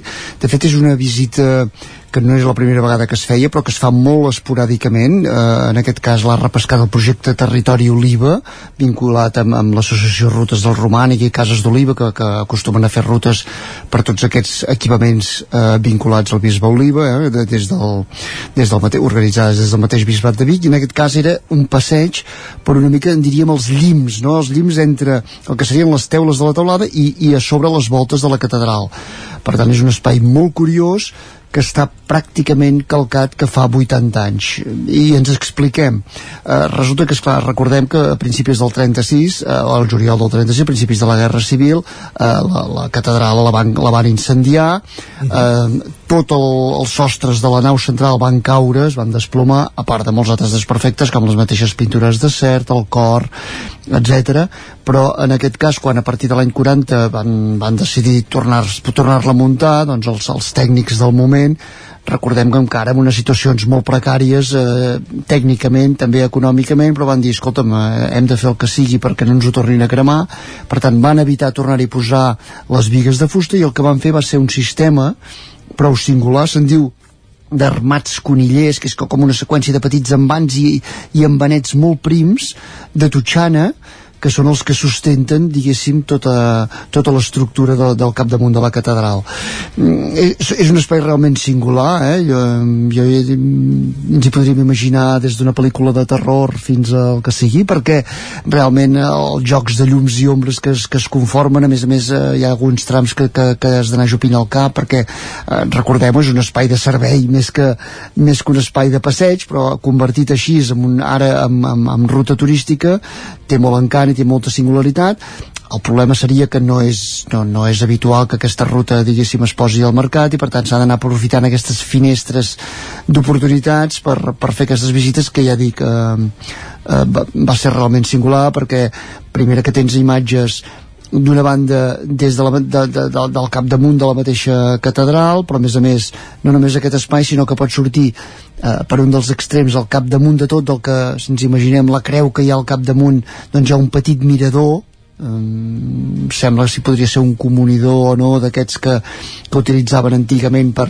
per anar a resar i espantar les tempestes. Això quedaria diguéssim com una, com una hipòtesi però en tot cas una imatge també a la sortida inèdita de, de la ciutat inèdita del, del nucli antic que, que va valer molt la pena. Per tant res, aplaudir aplaudir d'una banda que es, que, que es puguin fer aquestes rutes actualment i també aplaudir que en les successives reformes que s'han anat fent sobretot ara fa 10 anys que es van refer part de lo que és pròpiament la taulada de la catedral doncs que els tècnics optessin per mantenir aquest sistema que ja diem que és singular del seu moment, que segurament actualment hi ha, hi ha mètodes molt més novedosos i tècniques eh, molt més modernes però que avui li confegeixen un caràcter únic a la restauració que es va fer això als anys 40 del segle passat. I n'hi haurà més de visites d'aquestes?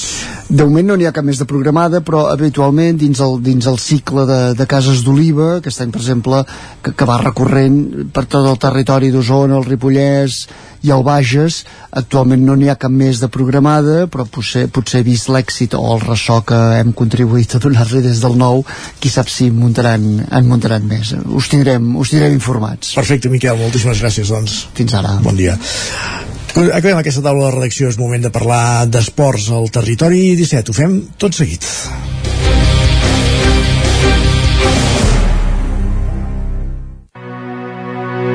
Territori 17 El nou FM, la veu de Sant Joan, Ona Codinenca, Ràdio Cardedeu, Territori 17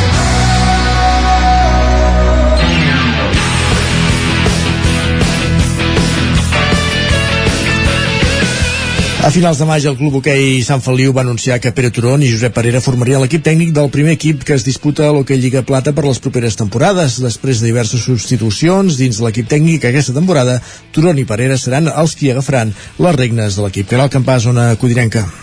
Sí, des, de, des del club ho van anunciar així a través de les seves xarxes socials. Josep Parera amb àmplia experiència com a entrenador i Pere Turon amb anys d'experiència i coneixement de la categoria volen aportar l'estabilitat i compromís en l'equip per aconseguir reptes més enllà de la permanència. Confiem en un projecte de llarg recorregut. Per parlar del club, de com encara l'any vinent i de tot plegats tenim el telèfon a, a Pere Turon. Bon dia, Pere. Hola, bon dia. Comentàvem ara que, que hi ha hagut diverses substitucions dins l'equip tècnic la, les últimes temporades, ara tu mateix i, i en Josep feu la, les regnes, com, com ha anat tot, tot plegat, tots aquests canvis? La veritat és que, bueno, uh, uh, hi ha hagut entrenadors que han decidit no continuar perquè han tingut ofertes millors uh -huh. i, i altres entrenadors pues, bueno, que s'han s'han canviat per canviar la dinàmica de l'equip que no era positiva, però bueno, tots estaven fent una feina realment bona. El problema és que, clar, que, que, bueno, que no hi ha hagut l'estabilitat i ni la continuïtat d'un projecte llarg. No sé. Tu, Pere, has sigut porter de l'equip durant molts anys i ara agafes, et poses, t'asseus a la banqueta, et poses al capdant de, del cos tècnic. Eh, com encares aquest canvi? Bueno, amb molta il·lusió i moltes ganes i sobretot això, il·lusió, ganes i ganes de, de fer les coses bé i treballar, i ja està. I, i, no, no, no és una cosa que, que, que, que ens cremi ni res, el problema és que ens agrada i és un repte molt, molt apassionant per nosaltres i en tenim moltes ganes, la veritat. Uh -huh. El Sant Feliu ha quedat novè a la classificació, empatat a 28 punts amb el Club Hoquei Lloret i el Club Companyia de Maria.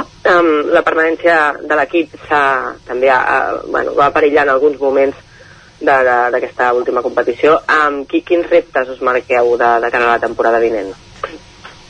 Bueno, pues el repte és començar forts i, i estar en el brut de dalt i, i mirar de no patir i el bloc continua sent més o menys el mateix que hi era amb dues incorporacions noves i moltes ganes de treballar perquè puguem estar a mitja taula en amunt i després a veure què passa que també pot ser, també pot ser que ens trobem en el fregau, no? Però, però esperem que no.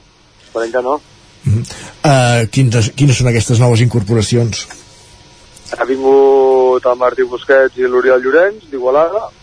Són dos nois que acaben la seva etapa júnior i, i són, jo crec que tenen un perfil diferent, un és interior i l'altre juga més, més enredarit i crec que això ens faltava a la plantilla i és el que buscàvem.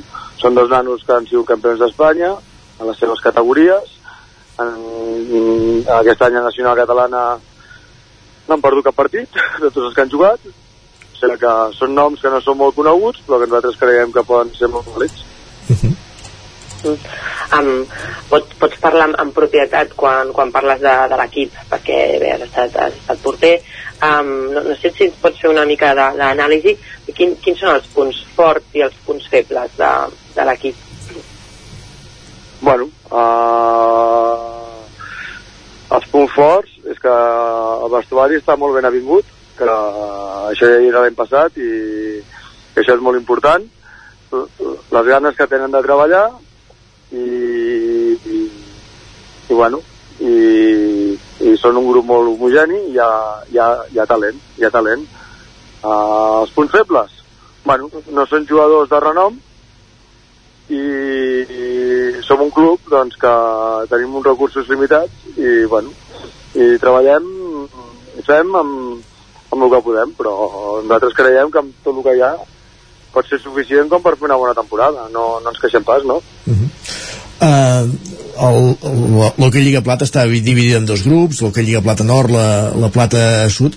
Vosaltres esteu contents amb el, amb el grup amb que heu estat escrits aquesta temporada, diguéssim? Sí que és veritat que hi havia equips catalans com, com l'Espanyol, el Tordera, o, o el Lloret o, o el Mataró o el Vendrell, també n'hi havia de, de fora de Catalunya, però per exemple equips propers com el Vic o el Tradell eh, quedaven a, a, emparellats a l'altre grup. Ja sé que això el club no pot fer-hi massa res, cap dels implicats, però no sé si us agradaria més una lliga on, on, on aquests equips més propers, on pot haver-hi fins a un cert punt certa rivalitat, els tinguéssiu al mateix grup. No sé, no... M'és igual, la veritat. una que l'altra, no, no, no, no, hem de jugar contra tots i hem d'intentar fer el millor possible i intentar guanyar tothom i ja està. I m'és igual que sigui el Vic, que sigui el companyer de Maria o, o Jolaceta, saps? No, és indiferent. Nosaltres hem de plantejar una temporada amb molta il·lusió, amb moltes ganes de treballar i, i és igual el rival. Uh -huh. Nosaltres tenim l'experiència d'aquí a Sant Feliu, amb, amb un grup que estàvem, en temporades anteriors els pressupostos eren molt més baixos i està lluitant per l'ascens, o sigui que intentarem intentarem no lluitar per l'ascens però estar el més a prop possible per veure si després podem treure el nas perquè aquest seria un objectiu, arribar a l'Hockey Lliga? No, no. és complicadíssim hi ha, hi, ha, hi ha equips que tenen molt més pressupost que nosaltres llavors, ostres, a tothom li agrada, saps el que vull dir? Uh, dir, ostres, sí, intentarem pujar i d'això, però, però no sé, són dinàmiques també, són, són històries, és una lliga molt curta que no pots fallar ni un partit perquè són 22 jornades i has de començar a tope per, per enganxar-te en el grup de dalt i no fallar res, saps? Si perds dos o tres partits a l'inici, després recuperar això costa moltíssim. Clar, han canviat el format de la lliga aquesta i abans era una lliga de, de 30 jornades i tu podies fallar 3, 4, 5 partits i després enganxar-t'hi, i ara no, ara has de, de sumar i, i sumar i sumar i sumar i no perdre, perquè perquè costa moltíssim enganxar-te al grup de dalt. Uh -huh. és, és, no, no tens marge, no tens marge. Uh -huh. També entenc que, que ajuda a tenir eh, estabilitat a, a, a dins de, de l'equip tècnic.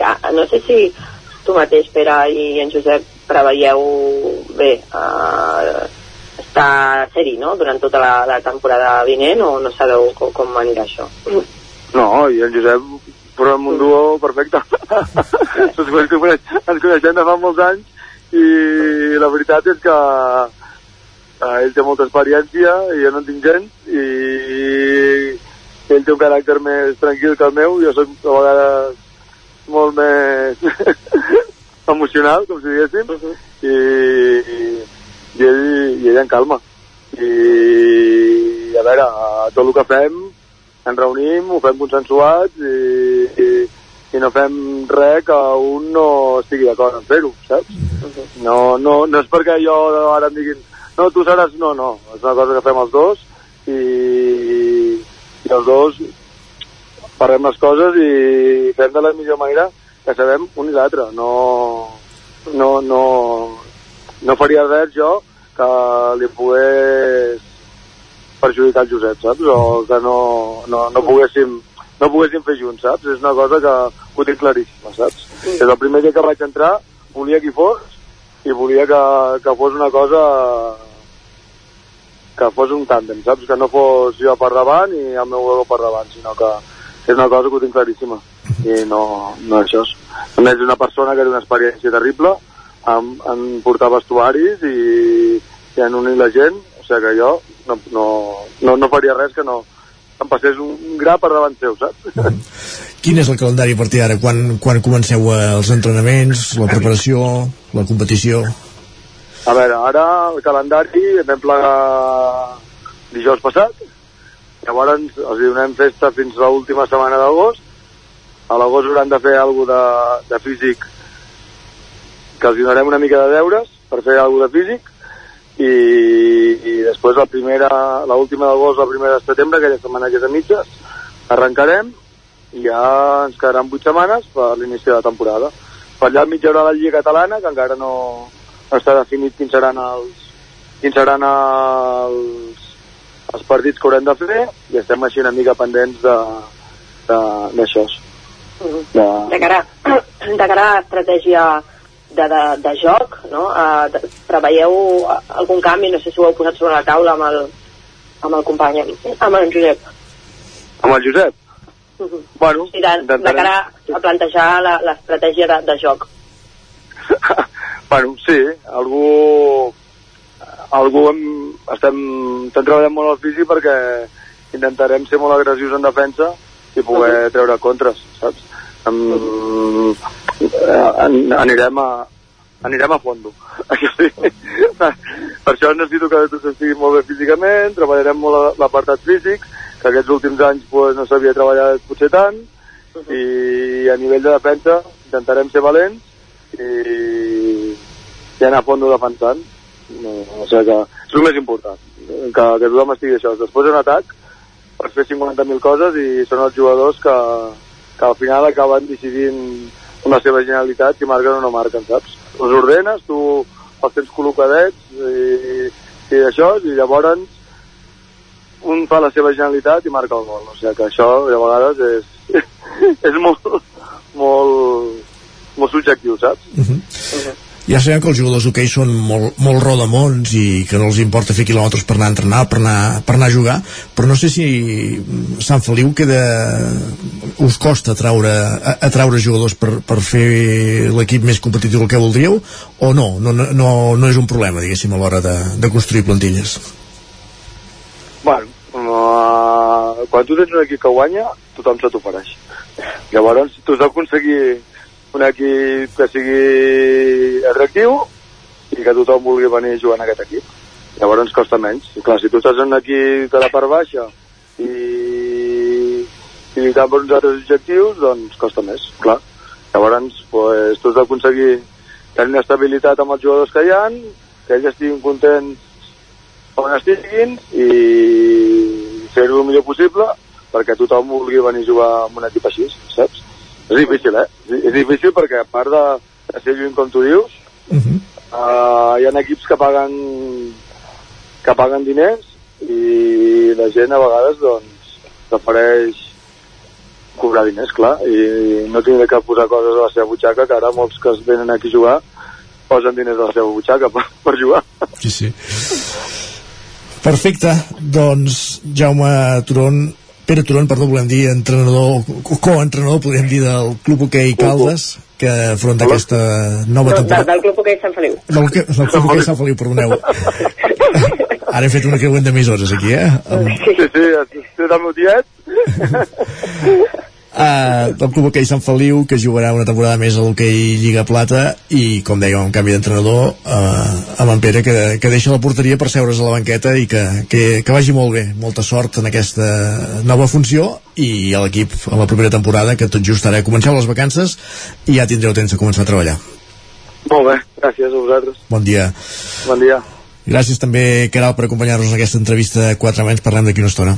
Merci, gràcies. Nosaltres el que fem ara és posar-hi música. Dos minuts perquè siguin les 11. A les 11 ja ho sabeu, ens actualitzem. Serà moment de, de posar-hi, de llegir notícies. Però avui, com hem anat dient, eh, Vic és festa major. Avui hi ha un dels actes principals, que és aquest concert multitudinari de gran format a la plaça Major de Vic, en companyia avui de la Pegatina com a protagonistes. La Pegatina, autors de cançons com aquesta, que interpreten al costat de Nil Moliner i se fue. soy de aquellos que quisieron borrar de su pasado la vergüenza de aquel niño que estaba enamorado. Acertijo de sonrisas, un adiós, un hasta luego, un mensaje en la botella, lleva la marea adentro, solo me queda el salitre, pegado a mi cuerpo de cangrejos anda el fuego y de pinzas ando suelto. Si salto la ventana, no me puedo caer. Al que vuela sin alas, no lo puedes vencer. Y se fue como pescado en el mar. Y yo sentado en la arena, el viento que pega en la ola lo vuelve a llevar. Y se fue como pescado en el mar. Y yo sentado en la arena, el viento que pega en la ola lo vuelve a llevar.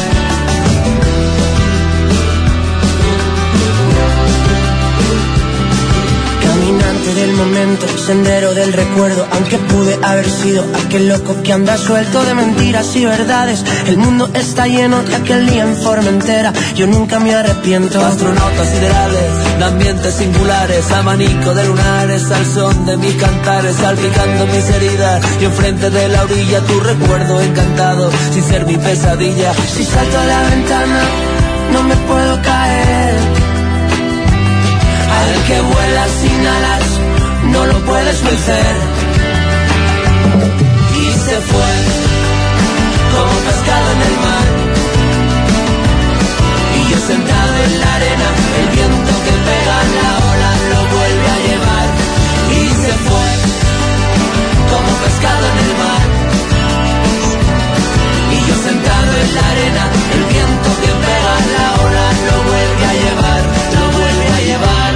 La Brigatina avui a partir de les 11 de la nit a la plaça Major de Vic en aquest concert de Festa Major, concert de gran format a la plaça Major i el que fem tot seguit al territori 17 ara que ja passen 30 segons del punt de les 11 és actualitzar-nos, és el moment de les notícies al territori 17 Uh, per tant, com dèiem, moment d'actualitzar-nos. Territori 17, amb Isaac Moreno i Jordi Sunyer.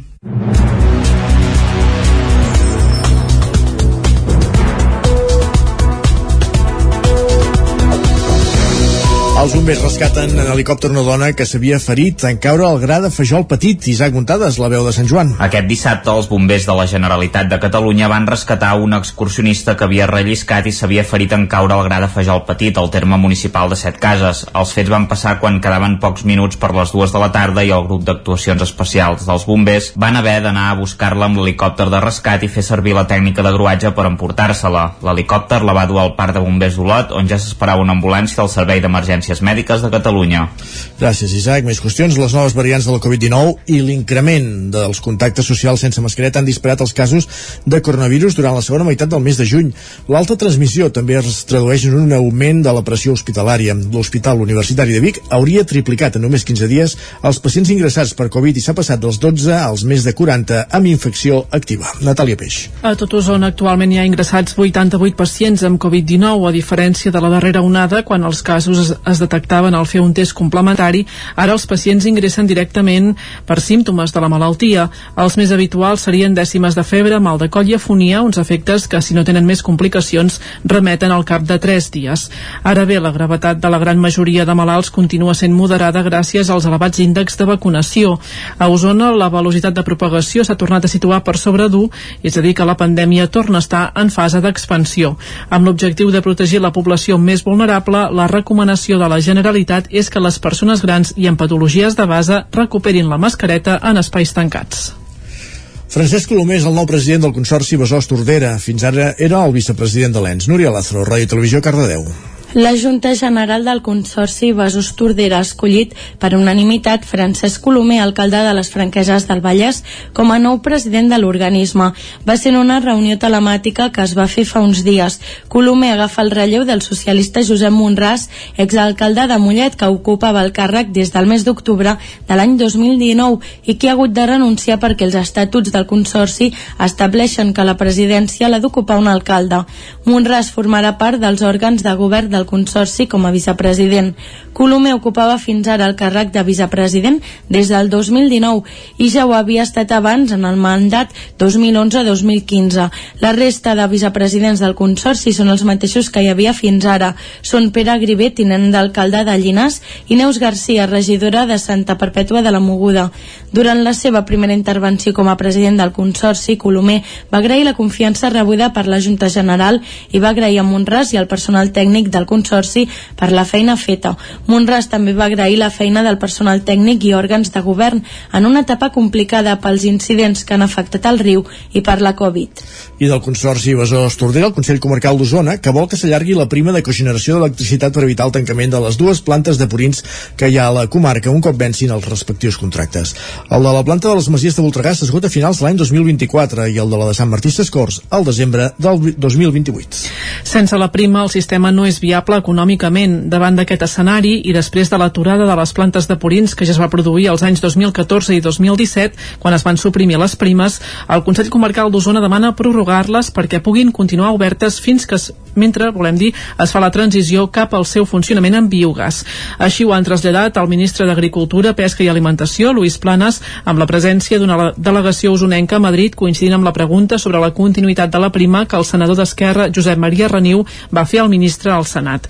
Escoltem a Joan Carles Rodríguez, president del Consell Comarcal d'Osona. Mentre això no passa i mentre van caminant cap aquí, han de ser viables. I aquesta viabilitat depèn d'una prima econòmica que depèn del Ministerio, que depèn de, del Gobierno de l'Estado. La nostra comarca ara no pot tenir una apagada de les, de les plantes eh, quan els hi eh, venci aquesta prima així de manera sobtada, com ja va passar en un determinat moment.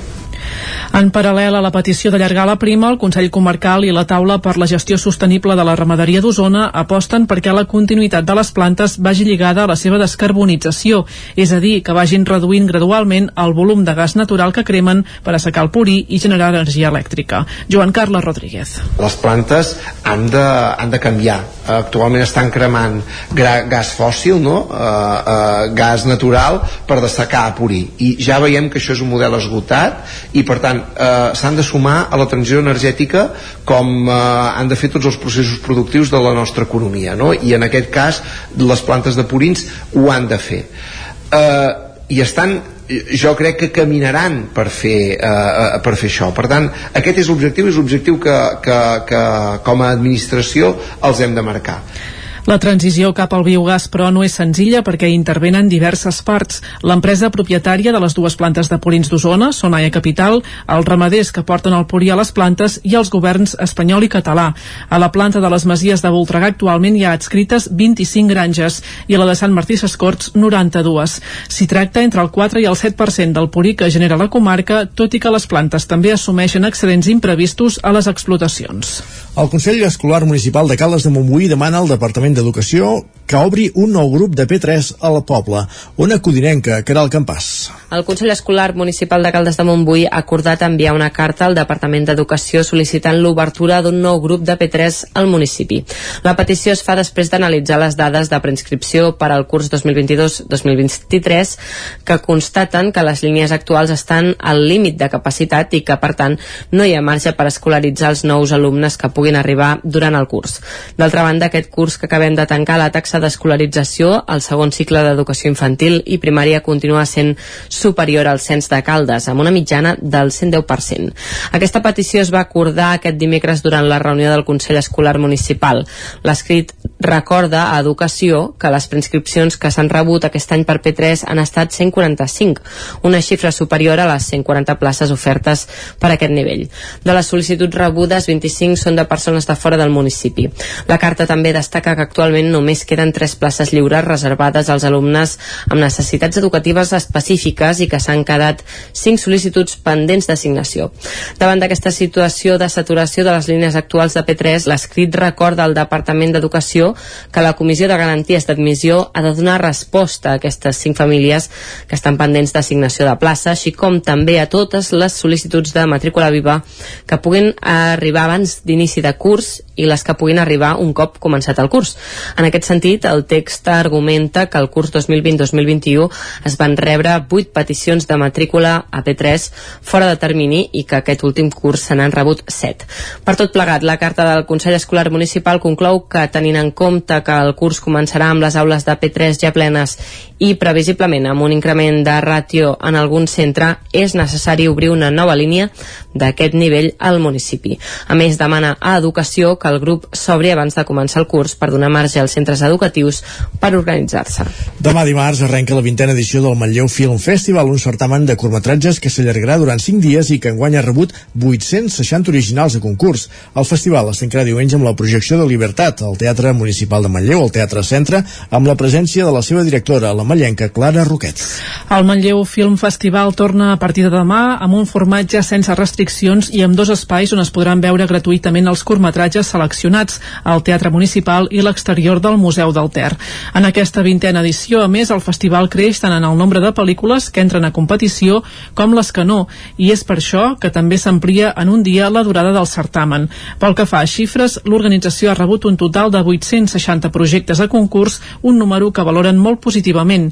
Eric Mutger és el director del festival. Per ser un festival com el nostre any rere any és, és un, una xifra estratosfèrica però, però creiem que també denota com la salut del festival i per una banda la bona salut del festival la repercussió que té a nivell internacional i que la persistència i el fet d'haver fet durar un projecte durant 20 anys també l'ha convertit a que a nivell internacional doncs, tant distribuïdores com directors o directores doncs, eh, el tinguin eh, diguem anotat al calendari a, a l'hora d'inscriure les, seves, les seves produccions.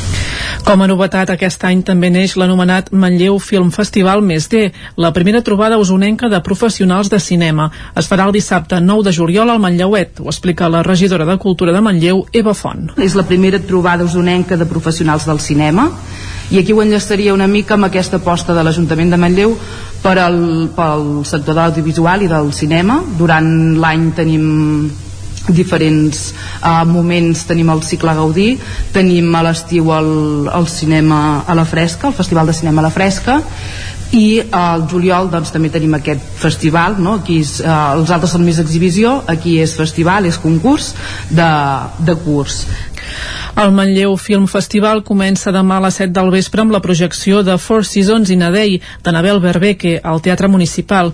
La cluent es farà el diumenge, dia 10, també al teatre amb la projecció de Libertad de la directora de Malla Clara Roquet. Aquest passi a més comptarà amb molts protagonistes. Eric Mutger. Comptarem amb la presència de la Clara Roquet com a directora, de la Gris Jordana com a directora de fotografia i de l'Ariana Dot com a productora.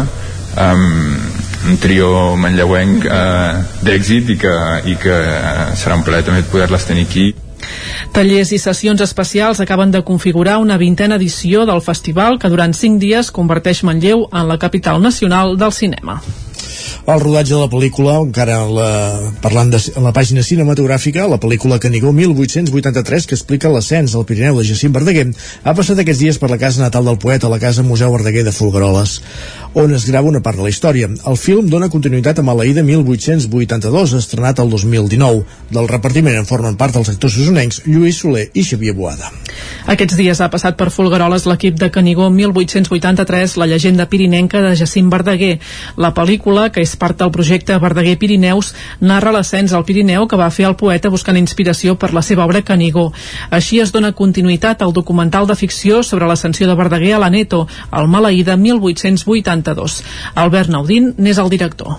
El projecte Verdaguer Pirineus, bàsicament del que es tracta és de recuperar una mica aquest llegat que ens va deixar mossèn Cinto, eh, en tot el que és l'entorn de la muntanya, com un pioner de l'excursionisme, de, de lo que és l'inici de, dels moviments excursionistes a Catalunya, i amb aquesta pel·lícula, que és la continuació de Malaïda, seria la segona part, també reivindiquem una mica el que és la personalitat del poeta totes aquelles característiques que el van portar a ser qui és, no? aquest personatge tan peculiar, eh, revolucionari de l'època, no només eh, en els termes d'excursionisme, de muntanyisme, sinó també amb altres que volia ser doncs, aquest, aquest, aquesta contra que va tenir contra el poder, contra el tema de, de l'Església, per defensar el que era la, la moral mm, diguem de, de recolzar la gent obrera, la gent pobra per tot això, en aquesta segona pel·lícula s'explorarà més la ficció. Albert Naudín així com Maleïda sí que era una pel·lícula que encara que utilitzàvem la ficció com a, com a figuració per, per poder fer la descripció de, de lo que és el Pirineu, que aquesta part també es contempla, amb aquesta segona part doncs sí que tenim més diàlegs, tenim més personatges, en el repartiment hi ha, entre d'altres, els usonencs Lluís Soler i Xavier Boada i també Sílvia Bel, Santi Pocino i Toni Padilla. Soler es posa a la pell de Verdaguer l'any 1901, un paper molt proper a l'actor. Lluís Soler. Home, és una relació de molt temps i per tant, tant amb en Verdaguer com amb l'Albert, per tant, doncs és, és, és un, un plaer, vull dir, és una cosa que, que et ve molt de gust, que, que la fas amb ganes, que tu passes bé fent-la, i que, que l'únic que tens ganes és de que funcioni com més bé millor. El film està produït per la productora Film Explora i la Fundació Jacint Verdaguer. Per acabar el rodatge han posat en marxa una campanya a través de la plataforma Barcami on tothom qui ho vulgui pot fer donacions. L'estrena de la pel·lícula està prevista per l'any que ve.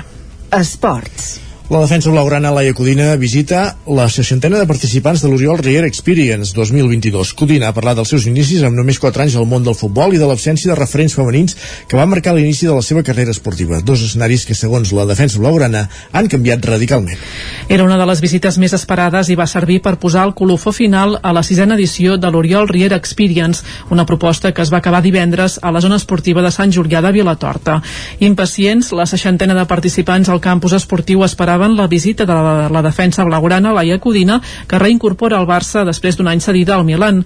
Codina va parlar de l'absència de referents femenins al món de l'esport que va marcar l'inici de la seva carrera esportiva, un escenari que va dir comença a canviar. Crec que és molt important el que dius que vinguin doncs, uh, ara que els nens comencen a tenir referents femenins crec que és important doncs, uh, que podem venir, que donem la nostra veu que donem la nostra opinió, que expliquem les nostres experiències que moltes vegades potser són diferents uh, la que volen dir altres esportistes o els masculins mateix i, i res, vinc aquí a explicar una mica la meva experiència sobretot aquest any que he estat fora del, del Barça, a Milà i, i res, i a, i a compartir les meves vivències.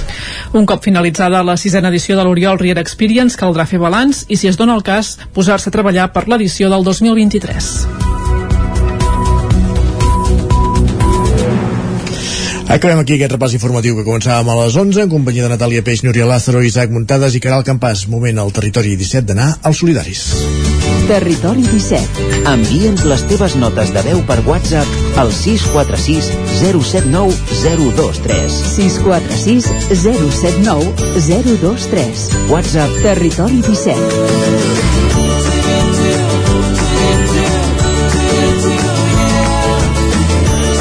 Territori 17.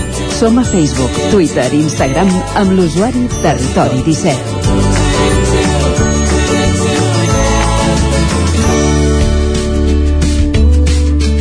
El Solidaris, ja ho sabeu, l'espai de ràdio que cada setmana ens acosta experiències de voluntaris, de gent que ajuden als altres, i avui és moment de fixar-nos, de fer un resum del que ha donat la temporada. Malana Remejo, des de Ràdio Vic, bon dia.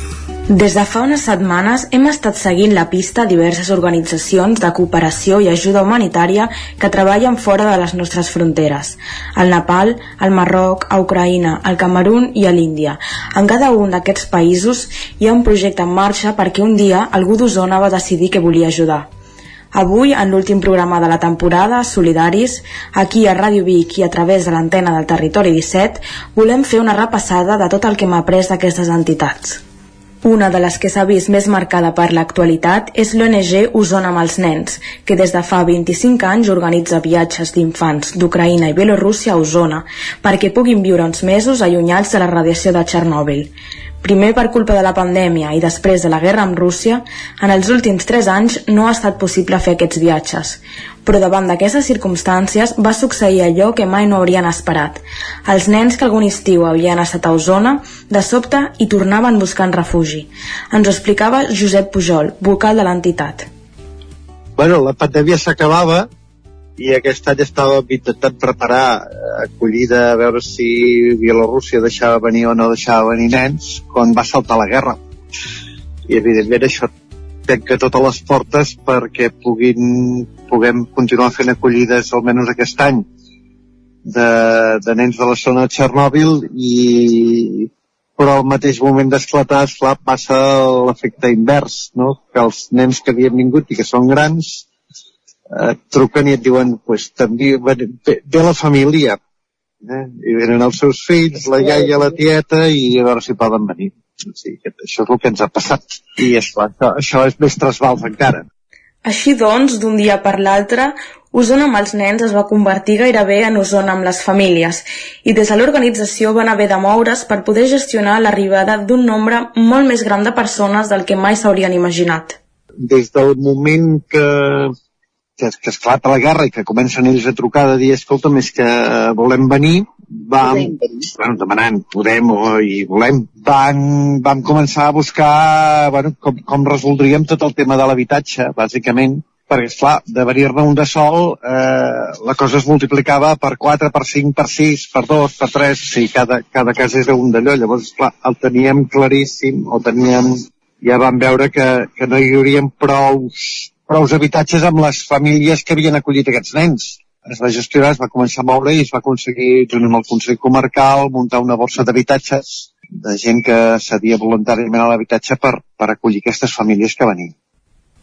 La Fundació Daniel Shah i Núria Toneu també porta a les espatlles quasi 30 anys de treball a l'Índia, al poble de Kaliampur i als seus voltants, una zona propera a les zones humils al districte de Calcuta, on tenen projectes d'educació, de sanitat, de desenvolupament rural i d'ajut a la dona.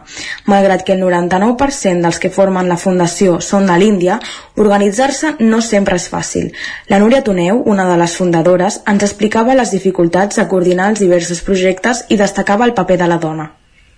Coordinar tanta gent no, no és feina fàcil, hi ha molta feina a fer, hi ha projectes de sanitat, de desenvolupament, d'educació i clar, tots van al mateix temps. No és ara un i després l'altre, són projectes que alguns ja tenen una manera de treballar quasi autònoma, gràcies a la implicació de tots, i, però bueno, d'altres, clar, van tots uh, al mateix temps. Però sí que m'agradaria destacar molt que és el paper de la dona en, en tots els projectes que la Fundació té. Elles són les artificis dels projectes d'educació i de salut i de, de desenvolupament, perquè tenen super mega força, ganes i, i s'empoderen dels projectes. És que elles són el volant de, de tots els projectes que, que tenim.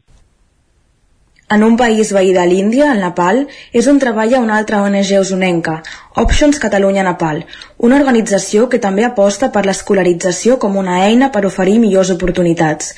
Per intentar millorar la vida i el futur d'infants i joves, van obrir una escola de cuina que acull una desena d'alumnes. D'altra banda, Catalunya també realitzen activitats de sensibilització a les escoles de secundària. Amb tot, la tasca que fan requereix temps i recursos. Per això preguntàvem a la presidenta Marta Coromines i el secretari de l'entitat, Ignasi Jeromí, què és el que més els reconforta de la seva acció social de veure els que acaben el curs, els nois i noies que acaben el curs de cuina i que tenen una formació més, que tenen una sortida més, que tenen un futur més, que, que esperem que es puguin guanyar allà en el seu propi país i tirar endavant allà, per tant això és el que conforta, no? Sí, jo també bastant com l'Ignasi, el que em fa tirar endavant, perquè a vegades eh, trobo difícil fer aquestes amb el poc temps que tenim, trobo difícil portar endavant totes aquestes accions als dos països. Com ha dit l'Ignasi, som una ONG petita, però tenim molta sort perquè tenim uh, convenis de col·laboració tant amb la Universitat de Vic com amb l'Ajuntament de Vic. I això ja ens, ens dona uh, poder per, per ser més grans. I um, quan a, això, igual, igual que diu l'Ignasi, quan jo veig que el que hem fet i l'esforç que fem a Vic i comarca té un impacte positiu per moltes persones més enllà de la gent d'Options, això em fa veure el projecte útil. I el Nepal també, tot i que, eh, com, com ens ha dit l'Ignasi, som una ONG petita i el nostre públic de, de joves en situació de vulnerabilitat de més de 16 anys és petit, al tenir aquesta col·laboració amb la universitat i l'Ajuntament, nosaltres anem més enllà del nostre projecte. Uh, també queda afectat positivament el nostre personal, altres escoles del Nepal, treballem també en col·laboració amb orfenats, amb cases d'acollida de fills de presoners i presoneres, amb filles, amb noies vídues i filles de vídues que estan marginades pel seu grup social. I llavors a l'estar al Nepal també i veure'ns amb, aquest, amb totes aquestes persones i veure l'acollida que tenim i veure un impacte positiu, eh? encara que a vegades el voldríem molt més gran, però un impacte positiu, a mi això m'anima, m'anima a, m'anima a pensar hem d'anar seguint amb options i si podem créixer, doncs millor. Un altre indret on també s'ha construït una escola és el poblat d'Aitaisí a la serralada de l'Atlas del Marroc. Ha estat gràcies a l'ONG Dibuixa un camí per anar a l'escola, que va sorgir per ajudar els nens d'una zona molt despoblada i pobra en la qual l'accés a l'educació no és fàcil. Vam parlar amb el fundador de l'entitat, Guillem Colomer, que malgrat la pandèmia, els entrebancs burocràtics i de vegades la manca de confiança en el projecte, ha aconseguit que 40 alumnes estudiïn a prop de casa. Ens explicava que ara vol mantenir mantenir el projecte i ampliar-lo a altres línies d'ajuda. nosaltres ens fa molta falta que la gent ens conegui, que, que entengui com treballem, que entengui que nosaltres ho fem per un bé de, del poble del Marroc. I què poden aportar? Doncs poden aportar, poden aportar tot tipus d'ajuda. Si nosaltres estem oberts a que la gent col·labori amb nosaltres, es mogui pels mercats, es vulgui ficar dins de l'associació, i també part d'això, doncs, si volen col·laborar a nivell econòmic, a nosaltres en, ens va molt bé perquè nosaltres llavors tenim un bon calaix per poder anar enviant amb aquesta gent uh, aquesta ajuda, de, de poder portar aquesta ajuda cada any, ja sigui a nivell de, de, d'aportació mèdica, de, de recursos per al manteniment de l'escola, de, i poder inclús pagar també eh, els alumnes que van acabant de les escoles doncs, que si venen de, de famílies molt, molt pobres i necessiten doncs, doncs que cada any tinguin un calaix per poder anar a estudiar, doncs poder-los subministrar des d'aquí. També a l'Àfrica, però més a 3.500 quilòmetres de distància, hi ha una altra ONG que des de fa 11 anys treballa incansablement a Kribi, al Camerún. Es tracta d'Insol Àfrica, un projecte que té la formació com a pedra angular. Així van crear una escola d'infermeria per dotar d'una bona formació a infermers i infermeres al país, i més tard un centre de salut per millorar la sanitat de la ciutat. Vam parlar amb dues de les fundadores, Laura Almendros i Núria Pagès Petit, que ens explicaven com els agradaria que continués el projecte a partir d'ara. És que, esclar, Insol Àfrica som nosaltres i que som grans, no hi ha jovent que continuï. Llavors, Insol Àfrica eh, el que pensem és acabar aquests dos projectes que siguin totalment viab un ja ho és, l'altre falta un any, un any i mig, que esperem que ja ho sigui, i llavors continuar doncs, ajudar eh, bueno, anar a treballar deixar-ho deixar allà per ells, nosaltres controlar-ho no, si ho hem de controlar-ho malament. El que no hem de fer és algú que ho continuï la gent que estem formant nosaltres. Anar-ho a veure llavors també estem hi ha un orfenat que també és un altre tipus de projecte però hi ha més que no ens hi hem implicat molt. Llavors també hi ha de violència de gènere. De, de seguir treballar suposo que fins que ens morim estarem a Minsol Àfrica. Ara estar allà presencialment no però l'objectiu tampoc era aquest, eh? No era aquest, era anar a treballar i era deixar escola. els projectes escola. que funcionin un, un. al principi era l'escola, sí escola només, però les ja coses van embolicant anem embolicat amb un altre i llavors tornar però va deixar les coses que funcionin que la gestionin gent d'allà si pot ser i ja està, i sí. anar de visita com aquell que diu, no? perquè això ha de funcionar sol perquè anar eh, a l'Àfrica on sigui, eh? a fer un projecte que sigui com un bolet i vinc, et faig això i me'n vaig i me n'oblido no. i això al cap d'un any està tancat o abandonat N'hi ha molts, passa... bueno, és el que vas dir tu una vegada, un cementiri, és un cementiri de projectes. En Josep, la Marta, l'Ignasi, la Laura, en Guillem i les Núries ens donen una lliçó d'humilitat i esdevenen un model a seguir. Ens ensenyen que ser solidaris depèn de la nostra voluntat i que sempre hi haurà algun indret on puguem fer un cop de mà. A tots ells els desitgem molta sort i que els seus projectes continuïn molt vius. Sort i gràcies també a tu, Malena, i bon estiu. Acabem aquí els solidaris, però encara no al territori 17 tenim mitja hora per endavant. Fem una pausa i tornem d'aquí 3 minuts. Tot passant per l'R3 i centrant-nos en l'actualitat esportiva. El nou FM, la ràdio de casa, al 92.8. Passema, comercial de maquinària i utillatges amb més de 50 anys al vostre servei. Visiteu la nostra botiga i trobareu productes de gran qualitat. Passema, som al polígon Sot dels Pradals, al carrer Cervera 10 de Vic. Telèfon 93 885 32 51. Us desitgem una bona festa major de Vic. Per moure't, lloga un cotxe ALR. Per moure la família, lloga un minibús ALR. Per moure coses, lloga una furgoneta ALR. Per moure la casa, lloga un camió ALR. Lloguer de cotxes, furgonetes i camions ALR. Ens trobaràs al carrer Francesc Sant Climent 83 de Vic i també a Olot i Manresa. Informa't en el 93 888 60 57 o bé consulta el web alr.cat. Tot l'equip d'ALR us desitgem una molt bona festa major. Rafael Grandio, som experts en xapa i pintura i restauració de clàssics. Deixa el teu cotxe en mans de professionals. Més de 30 anys d'experiència en l'automoció. Planxa, pintura, substitució de vidres, canvi de pneumàtics, poliment d'òptiques, abrillantat, càrregues d'aire condicionat, servei de vehicle de cortesia, mecànica ràpida. Som membres de la xarxa Certified First i certificats per Centro Zaragoza. Rafael Grandio, ens trobaràs a la carretera de Sant Hipòlit 18 al polígon Mas Balú de Vic, al telèfon 608 80 53 90 o a rafaelgrandio.com.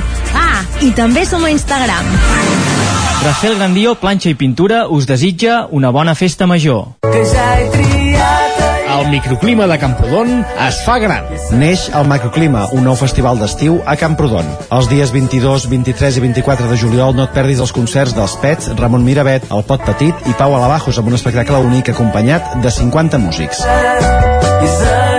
A més, vine a gaudir de l'Àdia Village amb gastronomia local i concerts gratuïts. Aquest juliol, Camprodon estrena Macroclima. Si tens pensat canviar la caldera o posar aire condicionat, posa't en mans de Pradell. Tenen les millors ofertes.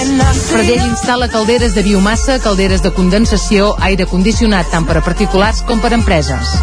Apunta, Pradell, Avinguda Països Catalans, número 27 de Vic.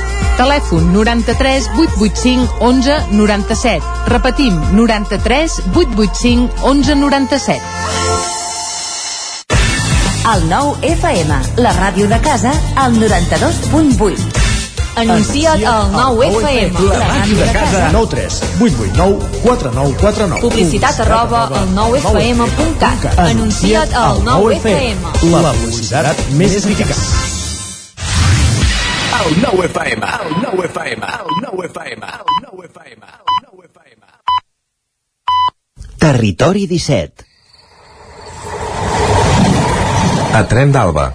Cada dia els usuaris de la línia R3 de Rodalies que veuen sortir el sol des d'un vagó ens expliquen les gràcies i les penes del primer comboi que uneix Ripoll i Barcelona. Benvinguts a Tren d'Alba. Divendres us parlava del projecte de millora de l'accessibilitat a l'estació d'Arc de Triomf i avui us parlaré de quines són les actuacions que s'hi fan exactament. S'hi fa un recrescut de les andanes per millorar l'accés als trens, la instal·lació i reubicació d'un nou ascensor i una escala mecànica, la renovació i millora d'encaminaments per a persones amb mobilitat reduïda, les millores als sistemes d'informació, l'adequació i millores d'enllumenat al vestíbul i andanes i actuacions complementàries derivades de la prolongació d'andanes a 200 metres. Aquests treballs són d'una gran complexitat complexitat i la retirada de l'anterior empresa adjudicatària per executar les actuacions contractades en el seu moment van obligar a reiniciar el procés de redacció en què es va aprofitar per incloure-hi millores. Va, a veure què ens explica en Jordi Valls en la crònica d'avui. Bon dia, sóc en Jordi de Centelles. Finalment hem arribat amb el primer de Vic 5 minuts tard. Coses curioses. Ha sortit de Vic 10 minuts tard. Pam! Misteris de la vida. Després, el primer Hospitalet Vic l'han anul·lat. Pam! Segon misteri de la vida. Anar baixant, anar baixant, anar baixant, a Torrebaró veure el tren de la Tour de Carol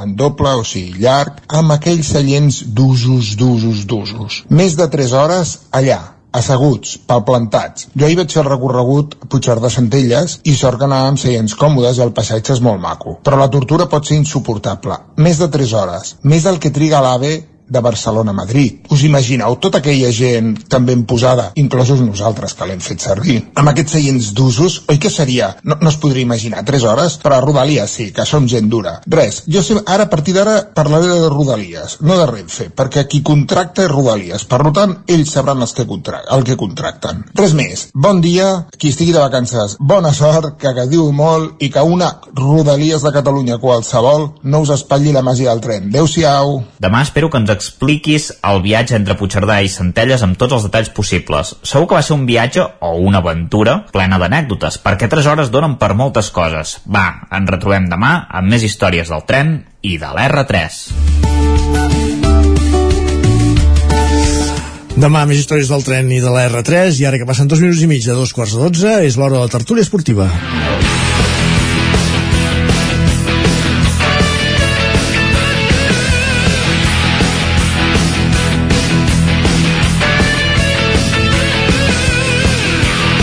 Darrera tertúlia esportiva de la temporada en companyia de l'equip titular Guillem Freixa, Lluís de Planell Isaac Muntades, bon dia a tots tres. Bon dia. Bon dia. Bon dia. Bon dia com va la cosa eh, comencem parlant de futbol, no? Per exemple, per dir alguna És estrany, no? Sí, no. De totes maneres, ja veieu que aneu molt tard, eh? Per què?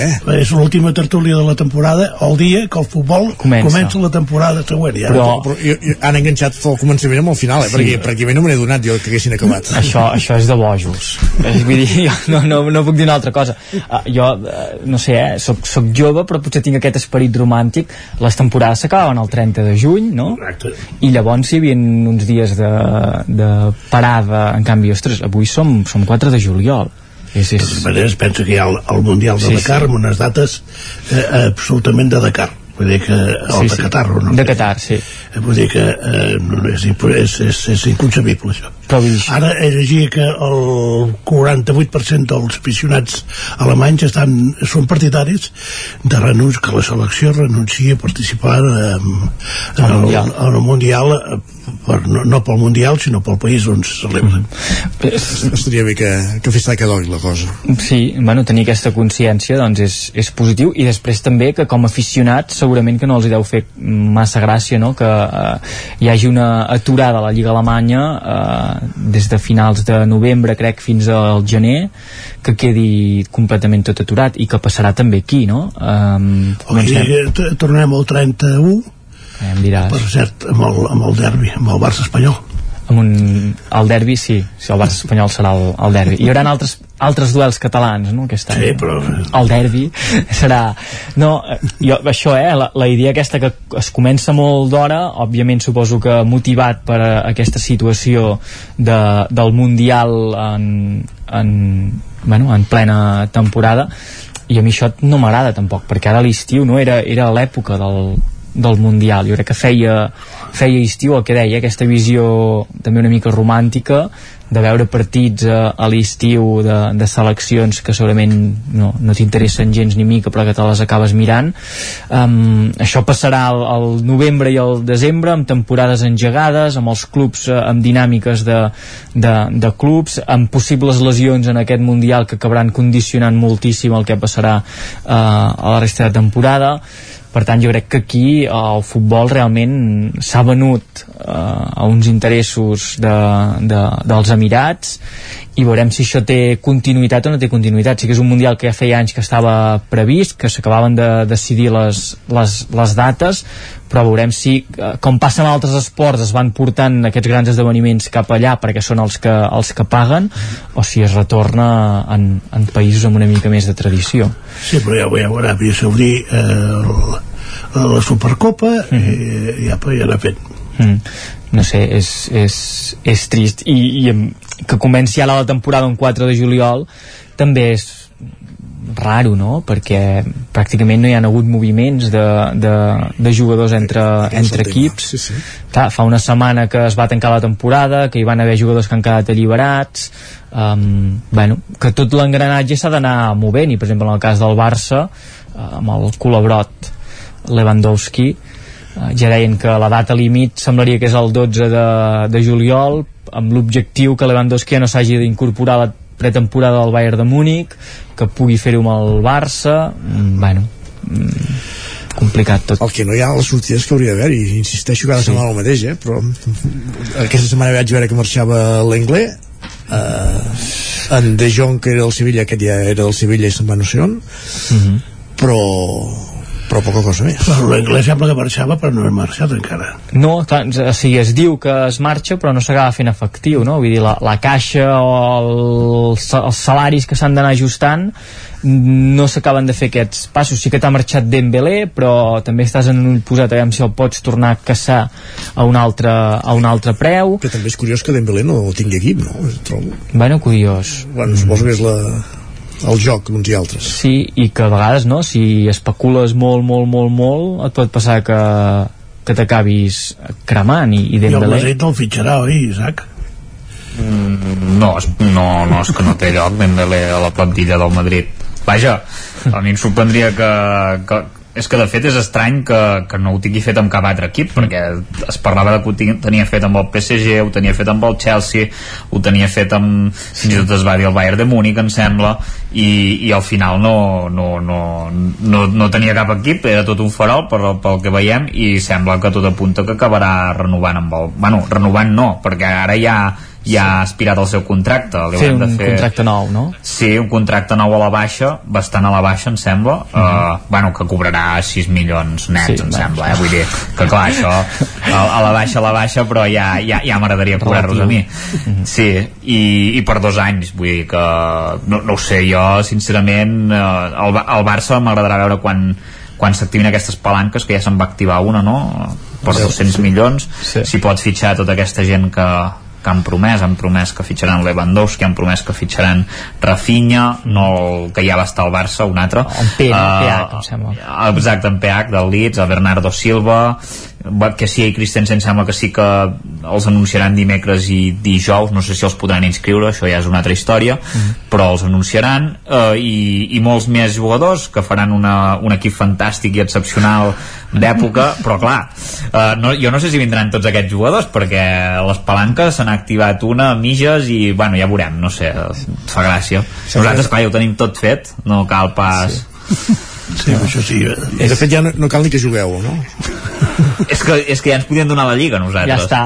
Ja, Direct, directament Punto pelota, eh?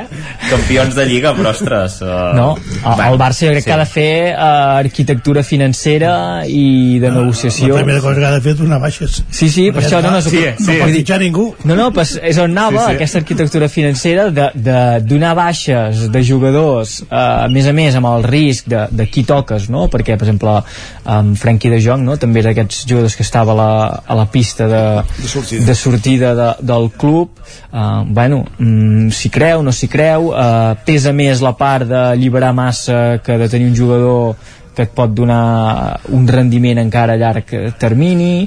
Mm, és, és complicat la, la situació que té el Barça no, no ens enganyarem.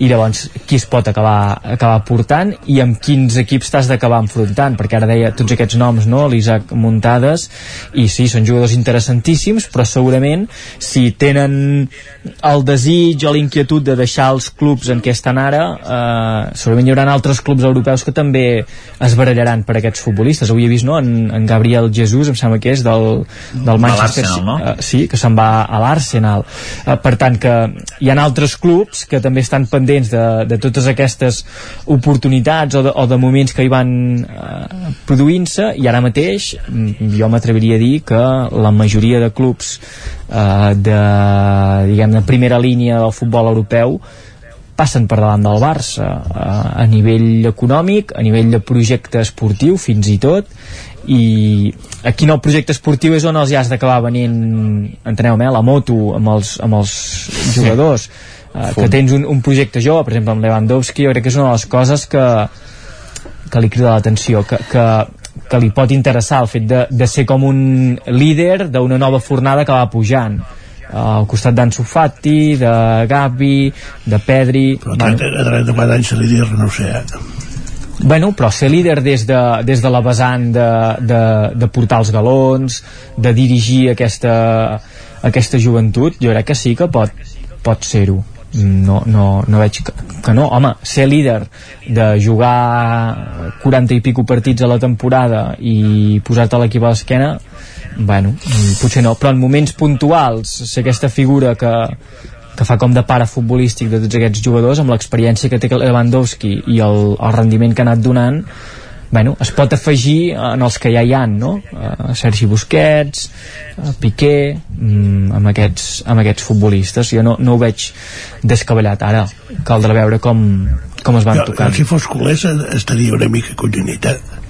això també t'ho haig de dir perquè amb la situació que esteu, esteu venent de drets de televisió Sí, per sí. 25 anys sí, sí. que, eh, qui sap on serem no? 10, 10 i 10 són 20 eh? vull dir que un 20% de, menys de drets de televisió durant 25 anys Mhm. eh, són, són molts milions sí, sí. i si no us surt bé i l'Isaac té raó i el Madrid s'emporta la Lliga eh, sense baixar de l'autobús eh, no, no sé què passarà a Can Barça Sí, és clar, t'estàs... cataclisme no, cataclisme no, però eh, t'estàs venent una parcel·la important com és els drets televisius, a més a més amb un escenari que segurament serà molt canviant no? els propers anys, que, que no sabem què, com canviaran hàbits de consum, yeah. com canviaran plataformes. Poder hi ha la Superliga també en marxa europea, mm. vés a saber. Que, com, com això, què, què has dit? Que, de, la què? Que poder hi haurà la, la Superliga Europea en marxa. Què és això? Aquell somni de Florentino? Sí. Que es va sí, despertar jo... i va resultar que no, no té ningú darrere. La porta, bueno, bueno, ja ho veurem, la porta això. darrere. Exacte. ja, ja. Encara pitjor. Allà pidolant. Ja ho veurem si no té futur això. A Àfrica ja n'han fet una. O sigui que, bueno, Uh, sí, com l'organitzi i estan creixent els, els nans a la UEFA que es diu eh? Una mica, no. vull dir que no, no sé, jo crec no sé que aquí, passarà. amb això de la Superliga Europea jugaran un paper clau els equips eh, anglesos i alemanys si aquests equips eh, si continuen posant d'esquena com s'hi han posat no hi haurà Superliga bueno, Europea. els anglesos no s'hi havien, no havien posat d'esquena fins que no hi va haver-hi pressions del govern eh, també Vull dir bueno, però, per exemple, de, els aficionats, així com, així com aquí a Espanya, quan es parla de la Superliga Europea, sí que en tertúlies doncs hi ha el debat de, de sí i no, però no hi ha un xup-xup, diguem, al carrer de, a favor o en contra, a Anglaterra sí que hi va haver un, un esclat entre els aficionats de tu, no us emporteu la Premier, no desmunteu la Premier, que és el que ens el que ens agrada a nosaltres, a anar-nos a, a escridassar amb els del poble del costat. I, els I a pagar-se com hooligans. No, sí, sí. sí, bueno, ara ja no tant, eh? No, ara per això, ja, ja he dit escridassar per no... perquè han, han reduït aquest... aquest i, I els alemanys, òbviament, els, també. Els alemanys, eh, imagineu-vos com estan els alemanys. Sí, sí. Ca... I llavors venir una Superliga sense Anglaterra i sense Alemanya... No té sentit. Uh, vaja no, no, no, no, no, té, no té cap mena de sentit perquè ara mateix són els equips també que tallen una mica el bacallà a Europa a nivell competitiu no? Uh, els Liverpool, City, Bayern tots aquests Aviam, equips aquí, si, sí. eh, si féssim uh, bueno, els... digues, digues, Isaac no, no, que ha dit aquests tres equips però que ha guanyat la Champions és el Madrid. Ah, sí, no. te l'he deixat, no. te deixat Gràcies. votant, eh? Sí, sí, sí. sí, sí. Allò per fer una volea. Ah, sí. No, per l'esquadra entrat. Jo, jo el que dic és que si els anglesos continuen dient que els dissabtes de 3 a 5 de la tarda a Anglaterra no hi ha futbol en directe, mm -hmm.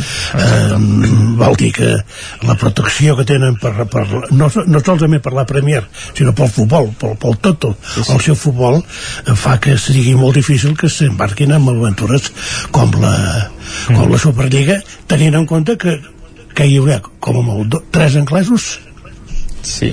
No, sí, és, sí, és n'hi haurà.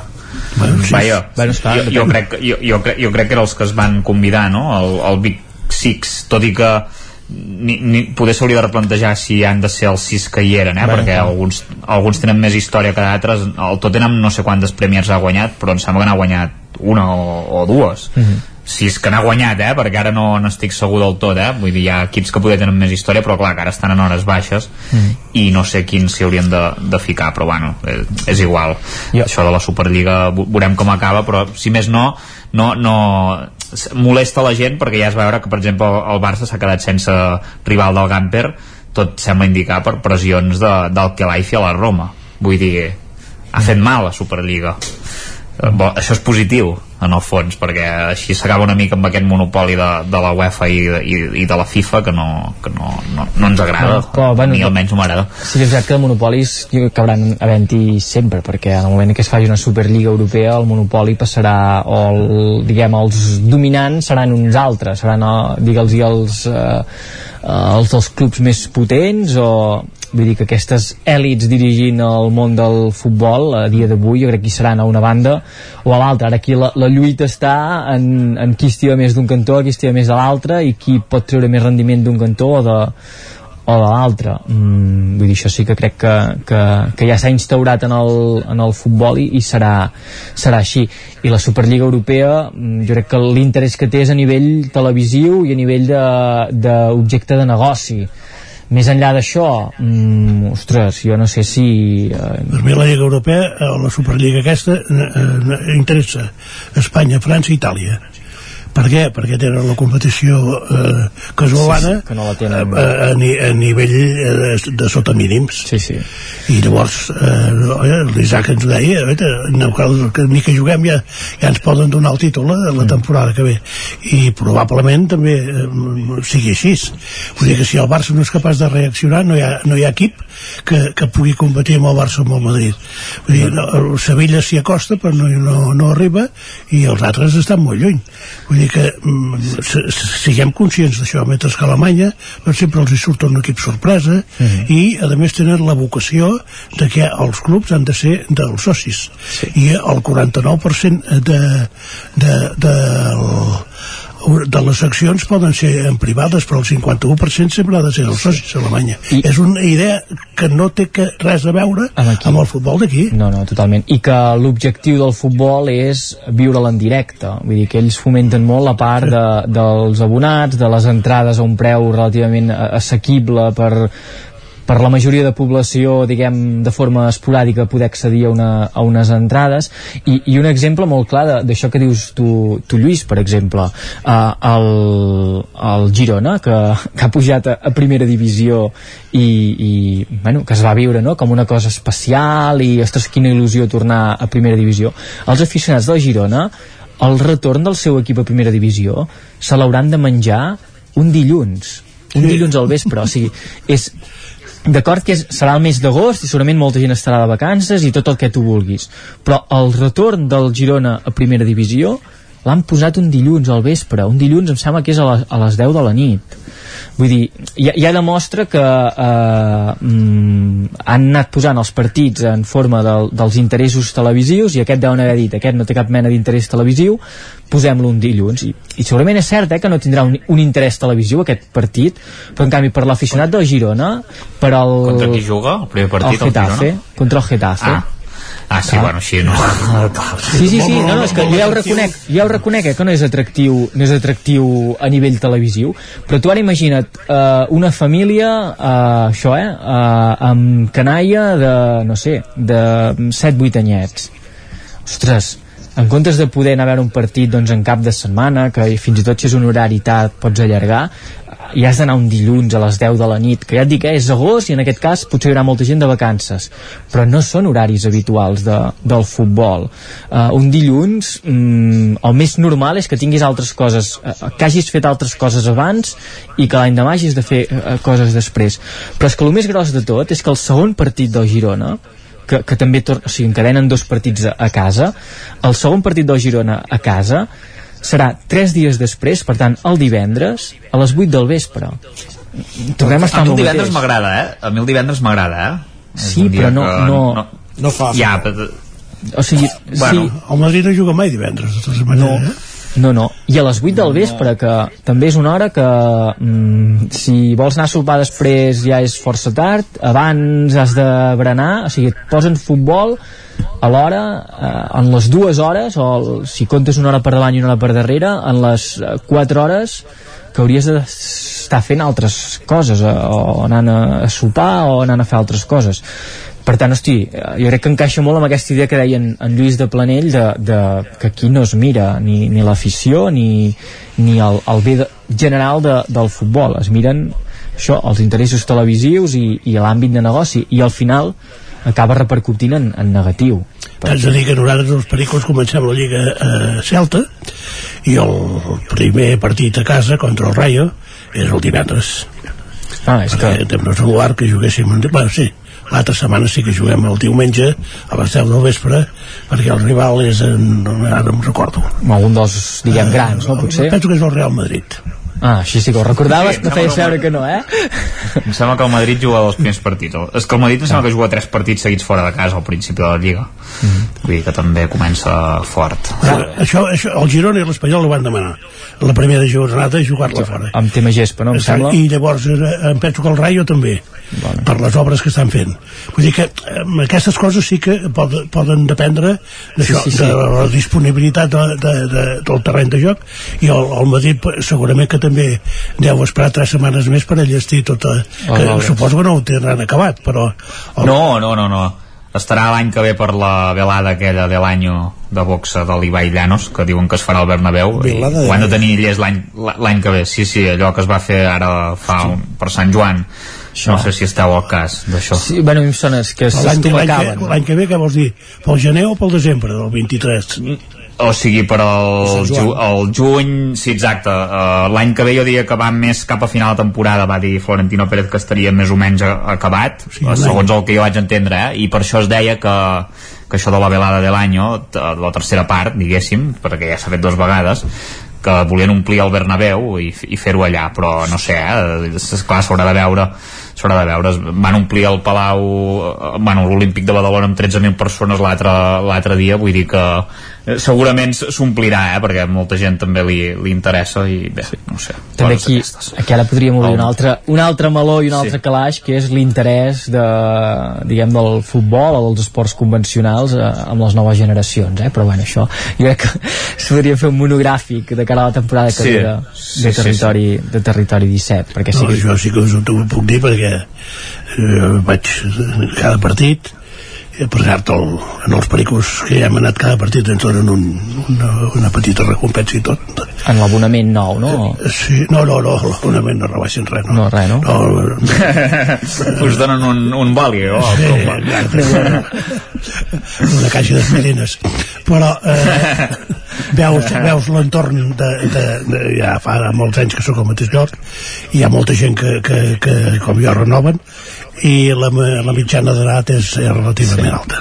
Que aquí també, no sé si juga a part no, el tema aquest de, de l'accés i pagar no, per tenir un abonament que potser les noves generacions no, o no tenen la capacitat o prioritzen altres, altres coses. El que passa, jo eh, ho, eh, ho he vist, sobretot en, en partits de, clar, fora, fora de casa, és clar, et compensa de sobres perquè veus l'entrada precisament el, és que no, no, no ha sortit encara eh, naturalment però el dia del Madrid el lloc on sé que jo eh, valdrà 100 euros. Ja, ja Sí, sí. Vull dir, eh, un partit sí, sí, sí. Eh, ja ho sé que és el, el Madrid i amb el Barça eh, em, em valdrà eh, 100 més per tant ja gairebé tens mig pagat l'abonament vull dir que per, per, per jove que siguis uh -huh. si te, mig t'agrada el futbol i encara que només hi vulguis anar mitja temporada ser abonat és segur que és rentable jo, això, eh, amb el, Sí, sí. el Girona ha fet públics els abonaments i um, això, són abonaments que per exemple un seient a preferent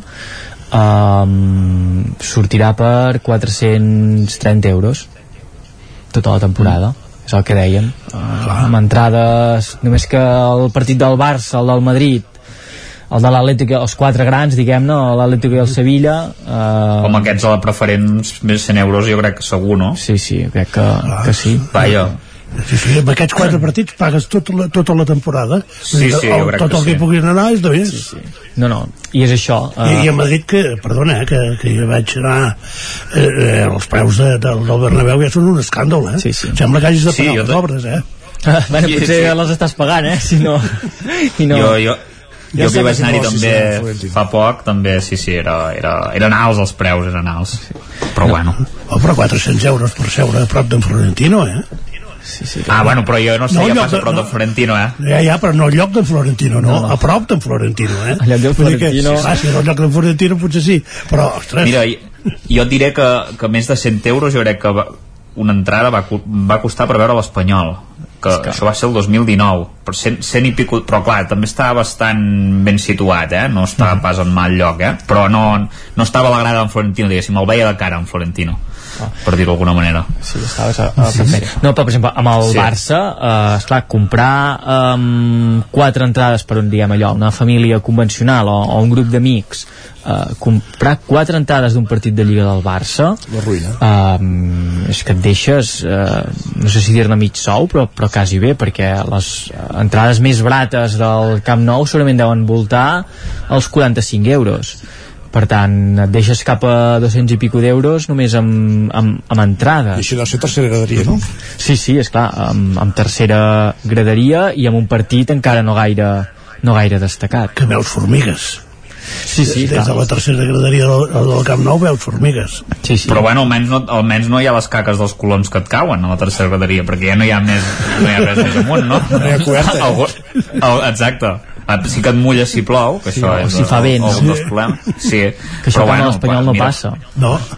Clar, no et mulles al camp de l'Espanyol i al Madrid no et mullaràs res, perquè estarà tot cobert. No, no, clar, això, les, o sigui, la, la importància d'una reforma del camp també és aquesta, la, la comoditat sí. d'anar a veure un partit de futbol, perquè ara compres unes entrades, et deixes quasi bé 200 euros, enganxes un dia d'aquests que plou, no plou, no saps què passarà, i al final el que havia de ser una experiència agradable es pot convertir en, un drama. Sí. en, en un drama, perquè veure tot un O partit ets el sota la Barça quan vagi a Montjuïc. Ostres, Montjuïc no, hi ha gai, no està és gaire gros, tapat, això. eh? Que, Lluís, què, què hem d'esperar d'això, d'anar a Montjuïc? L'únic que serà xupluc és la porta, perquè no, només tenen la, sí. aquella mica de tribuna no. i prou. Hòstia, més Sí, allò sí. gros i, i lluny i, i fred. I, i molt, molt, molt fred, eh? Molt fred, molt fred. Aquella temporada sí que serà un desastre pel Barça, n'estic convençut. Ah, sí, no, no, no, no pots animar res a Montjuïc perquè no serveix de res. Mare de Déu, se'n va, se'n va tot per en Colom. Coses que en. Guillem Freixa, Lluís de Planell, Isaac Montades, gràcies i bon estiu, Lluís, sobretot, amb en Guillem i l'Isaac encara ens veurem durant la setmana. Adeu. Gràcies. Adéu, vagi bé. Adéu. I acabem també el territori 17 d'avui dilluns 4 de juliol de 2022 us hem acompanyat des de les 9 del matí Pepa Costa, Clàudia Dinarès, Miquel R, Natàlia Peix, Caral Campàs, Òscar Muñoz, Núria Lázaro, Malena Ramajo Isaac Muntades, Lluís de Planell, Guillem Freixa Jordi Sunyer i Isaac Moreno i tornem demà a partir de les 9 serem aquí al Territori 17 a la vostra sintonia fins aleshores, molt bon dilluns i gràcies per ser-hi, adeu-siau Territori 17, un magazín del nou FM. La veu de Sant Joan, Ona Codinenca i Ràdio Cardedeu amb el suport de la xarxa. el nou FM.